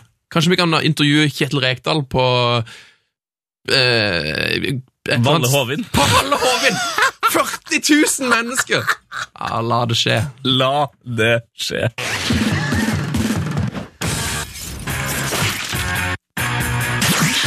Fotballs glory hall. Oh, yes! Oh yes, Siden vi ikke hadde post og brev i dag, så vil jeg bare liksom rasle litt med det her arket, i hvert fall sånn at folk vet at vi ikke bare er digitale, selv om vi er på Instagram, eh, Twitter, Facebook, eh, Snapchat osv. som Yes. Peter har Fotball. Og så må vi si til Oliver og Emil som har sendt inn Jeg har brevet deres her, hadde egentlig tenkt å rekke, eh, lese, rakk det ikke. Kanskje vi tar det neste uke. Eh, så det må jeg bare si.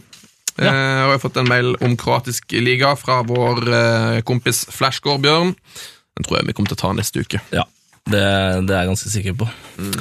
Ja, vi er altså i uh, Heia Fotballs Glory Hall. Ja, hva er det? Eh, det er altså en eh, hall, en, eh, en plass langt opp i stjernene, eh, der vi plasserer fotballstjerner. Folk som vi digger. Folk som eh, dere digger, for vi får inn veldig mye fine Glory holes som dere skriver. Og der har du blant annet spillere som eh, Myggen, Eh, Kafu. eh, Maldini. Forrige uke så hylla jeg Rikard Norling. Det gjorde du. Det var det en på Twitter som syntes var meget kontroversielt. Ja. Det likte han ikke noe særlig. Jeg skjønner jo selvfølgelig at Brann-fans syns det er litt vrient at vi hyller Norling, men jeg syns han er så fin type. Om, om 20 år så går det bra. Bare tenk på om 20 år, eh, når Brann etter Rikard Norling har blitt en stor klubb igjen, så Så kommer du til å tilgi det. Ja, Jeg da kommer du til å sette den uh, hallen på repeat. Det kommer til å bli uh, innsovingslyden din. Eh, stort da, i vår Glory Hall? Om Batistuta er der. Mm. Han er der så eh, han, er, han er akkurat like mye som han var i 16-meteren når han spilte i Fiorentina. Batistuta er der så voldsomt. Eh, Det er klart for ny helt, Ja. og i dag er det du som har uh, fått muligheten til å hylle noen, Tete. Ja, det har jeg, og siden jeg møtte min kompis Jonas i Barcelona, han bor faktisk i Barcelona, så kom jeg på en, uh, en fyr som eh, jeg ikke skjønner hvorfor vi ikke har putta inn i før. Ok. Eh, Jeg skal gi deg et tegn når Forest Forrest Gump-themen virkelig skal dundre inn sammen med torden. Men Vær så god, jeg vil lene meg tilbake, da. Len deg tilbake sammen med Sven, du som hører på. Dagens helt ble aldri noen stor fotballspiller. Men sannsynligheten for at han hadde blitt det, det mener jeg er en relativt stor sannsynlighet. Som junior spilte han blant annet på HFC Harlem, som jeg synes er gøy, og ikke minst Feyenoord. Men en sjelden lidelse kalt skoliose satte en stopper for guttens proffdrøm, da han på grunn av lidelsen som gir en slangeaktig form på ryggsøyla, måtte operere en 30 cm lang jernstang i ryggen. Etter operasjonen fikk Rotterdam-gutten klar beskjed om at fotballens nærkontakt kunne få fatale følger. Selv om han ikke visste det da, så satt heldigvis dagens Glory Hauler på gull. En video han etter hvert sendte ut til kompiser på MSN for å vise dem hvor god han hadde blitt til å trikse. Dette var i 2002, og ting tok litt lengre tid på internett, da, og uttrykket 'å gå viral' det var det egentlig ingen som hva var. Men tre år etter at han sendte ut den her på MSN, gjorde Sofiane Tosanis freestyle-video akkurat det. For øvrig en eh, video som ble akkompagnert av eh, den utrolig fengende, men dessverre superhomofobe låta Nuttin Nogoso, eh, som litt, for, litt for lett å nynne på. I videoen så visste han triks verden ikke hadde skjedd før, og kombinasjoner som har gjort meg og sikkert hundretusenvis av andre kids utrolig støl og frustrert i vårt forsøk på å etterligne hans fantastiske balltalent. Videoen tok som sagt av, og Tosani ble plukka opp av IA Sports, som brukte den i motion capturen til Fifa Street, hvor han senere også ble en spillbar karakter. Han har siden blitt invitert til å trikse med Ronaldinho, van Persie og en haug med andre store spillere. Han har triksa under kroninga av den nederlandske kongen. Men Sant. Åh, Insta-kontoen hans, Tosani7, er en visuell gullgruve, og så har han en deilig Wikipedia med linjer som He introduced new football tricks, and because of this he became the pioneer of modern freestyle football. Uh, Suf Sufiane Tousani is the ambassador of Johan Cruyff Foundation. Men det stopper der. Sufiane Tousani is also the ambassador of City Rotterdam. Og til og med Cristiano Ronaldo og Neymar har prøvd å ta triksene hans. De mest kjente som han har skapt, er ATM, som han liker å kalle det sjøl. Around the World. ATW, mener jeg. Og en som heter New Shit. Så til mannen som inspirerte meg og min kompis Jonas til å lage en svett triksevideo for 10-12 år siden. Du ble aldri proffspiller. Du er ikke den beste freestyleren i verden, og hjertelig takk for det. Du er den mest underholdende, kreative og inspirerende i en gren jeg syns av og til ligner litt mer på sjonglering på slakt line enn fotball. Tusani, velkommen inn i Glorion. Det var fint, heter far. Husker du den videoen? Ja, altså, eh, akkurat den videoen tror jeg faktisk ikke har sett. Jeg, har sett, jeg følger jo han fyren der på Instagram, Mm. og har sett, en, eh, har sett mye triks han har gjort. Han er jo altså Det er så fascinerende Ja, er hvor, han- hvor god han er med kuler. Ja, for meg så er han på en måte fotball, uh, fotballtriksingas eh, Ronaldinho. Og, og han sier sjøl at det største øyeblikket i karrieren var når Ronaldinho sjøl inviterte han til å trikse sammen på et fullsatt San Siro. Og så likte jeg jo at du fortalte meg at han hadde operert inn en jernstang. For jeg trodde bare at han rett og slett ikke hadde bitt så god i fotball. Nei. Men det var en skade, altså. Det var en skade. Men han eh, fikk lov etter hvert å spille uh, futsal, så han uh, har vært kaptein på det nederlandske laget der og skåra plenty med mål. Og så må jeg bare kjapt ta en, en, en liten fun fact. Fordi når den videoen som kom ut, altså den første, da var han så stor Rivaldo-fan at han kjøpte de der hvite Misono-skoene som han hadde. Men han hadde ikke så mye penger. Så tenkte han jo at ok, da er jeg 16 nå, så da, jeg må ha de skoene her, men da kjøper jeg dem i størrelse 48, fordi storebroren hans var jo så stor. Så jeg kommer til å bli stor sjøl. Han har fortsatt størrelse 42. Så han gjør de triksene her i sko som er altså seks størrelser for stor. Eh, og det, det her, den historien og flere ting kan du se på dokumentaren hans. Tozani, First Video, The Story. Det er mitt YouTube-tips for helga. Veldig bra, Tete. Elsker at dine glory holes ofte ender opp med et. YouTube-tips, og så kan vi sitte og kose oss med dette. Kjære alle dere som har hørt på, veldig, veldig Jeg må bare si det, vi setter utrolig pris på at uh, folk hører på, at folk eh, laster ned, kommenterer og bidrar. Gir oss klapp på skuldra når vi er ute på reise. Så ja, veldig hyggelig at veldig folk hyggelig. kommer bort og sier heia fotball på byen og alt mulig. Eh, og så må jeg jo si beklager for at ikke fikk lest opp eh, e-post, eh, men nå, det ble så langt at nå må vi rett og slett eh, få gi, gi, gitt ut det her på internett. Ja, og, og hvis du sitter og hører på nå, så, så er det jo snart lørdag, og da er det RBK Nei, Vålerenga VIF, eh, RBK, og altså, det er VM, og det er Champions League-finale, og det er, det er Pirlo mot Messi! Buffon mot Ter Stegen! Neymar mot TNS! Heia fotball! Heia fotball! Frank de Boer speelt de bal. Heel goed naar Dennis Bergkamp. Dennis Bergkamp. Dennis Bergkamp neemt de bal aan. Dennis Bergkamp. Dennis Bergkamp. Dennis Bergkamp. Dennis Bergkamp. Dennis Bergkamp. Oh! Frank de Boer speelt de bal naar Dennis Bergkamp. Die neemt de bal feilloos aan. En ik schiet de bal erin. We spelen nog officieel 20 seconden. Dennis Bergkamp. P3s Heia fotball. Ny episode hver fredag. Last ned din nye favorittpodkast på p3.no podkast. P3.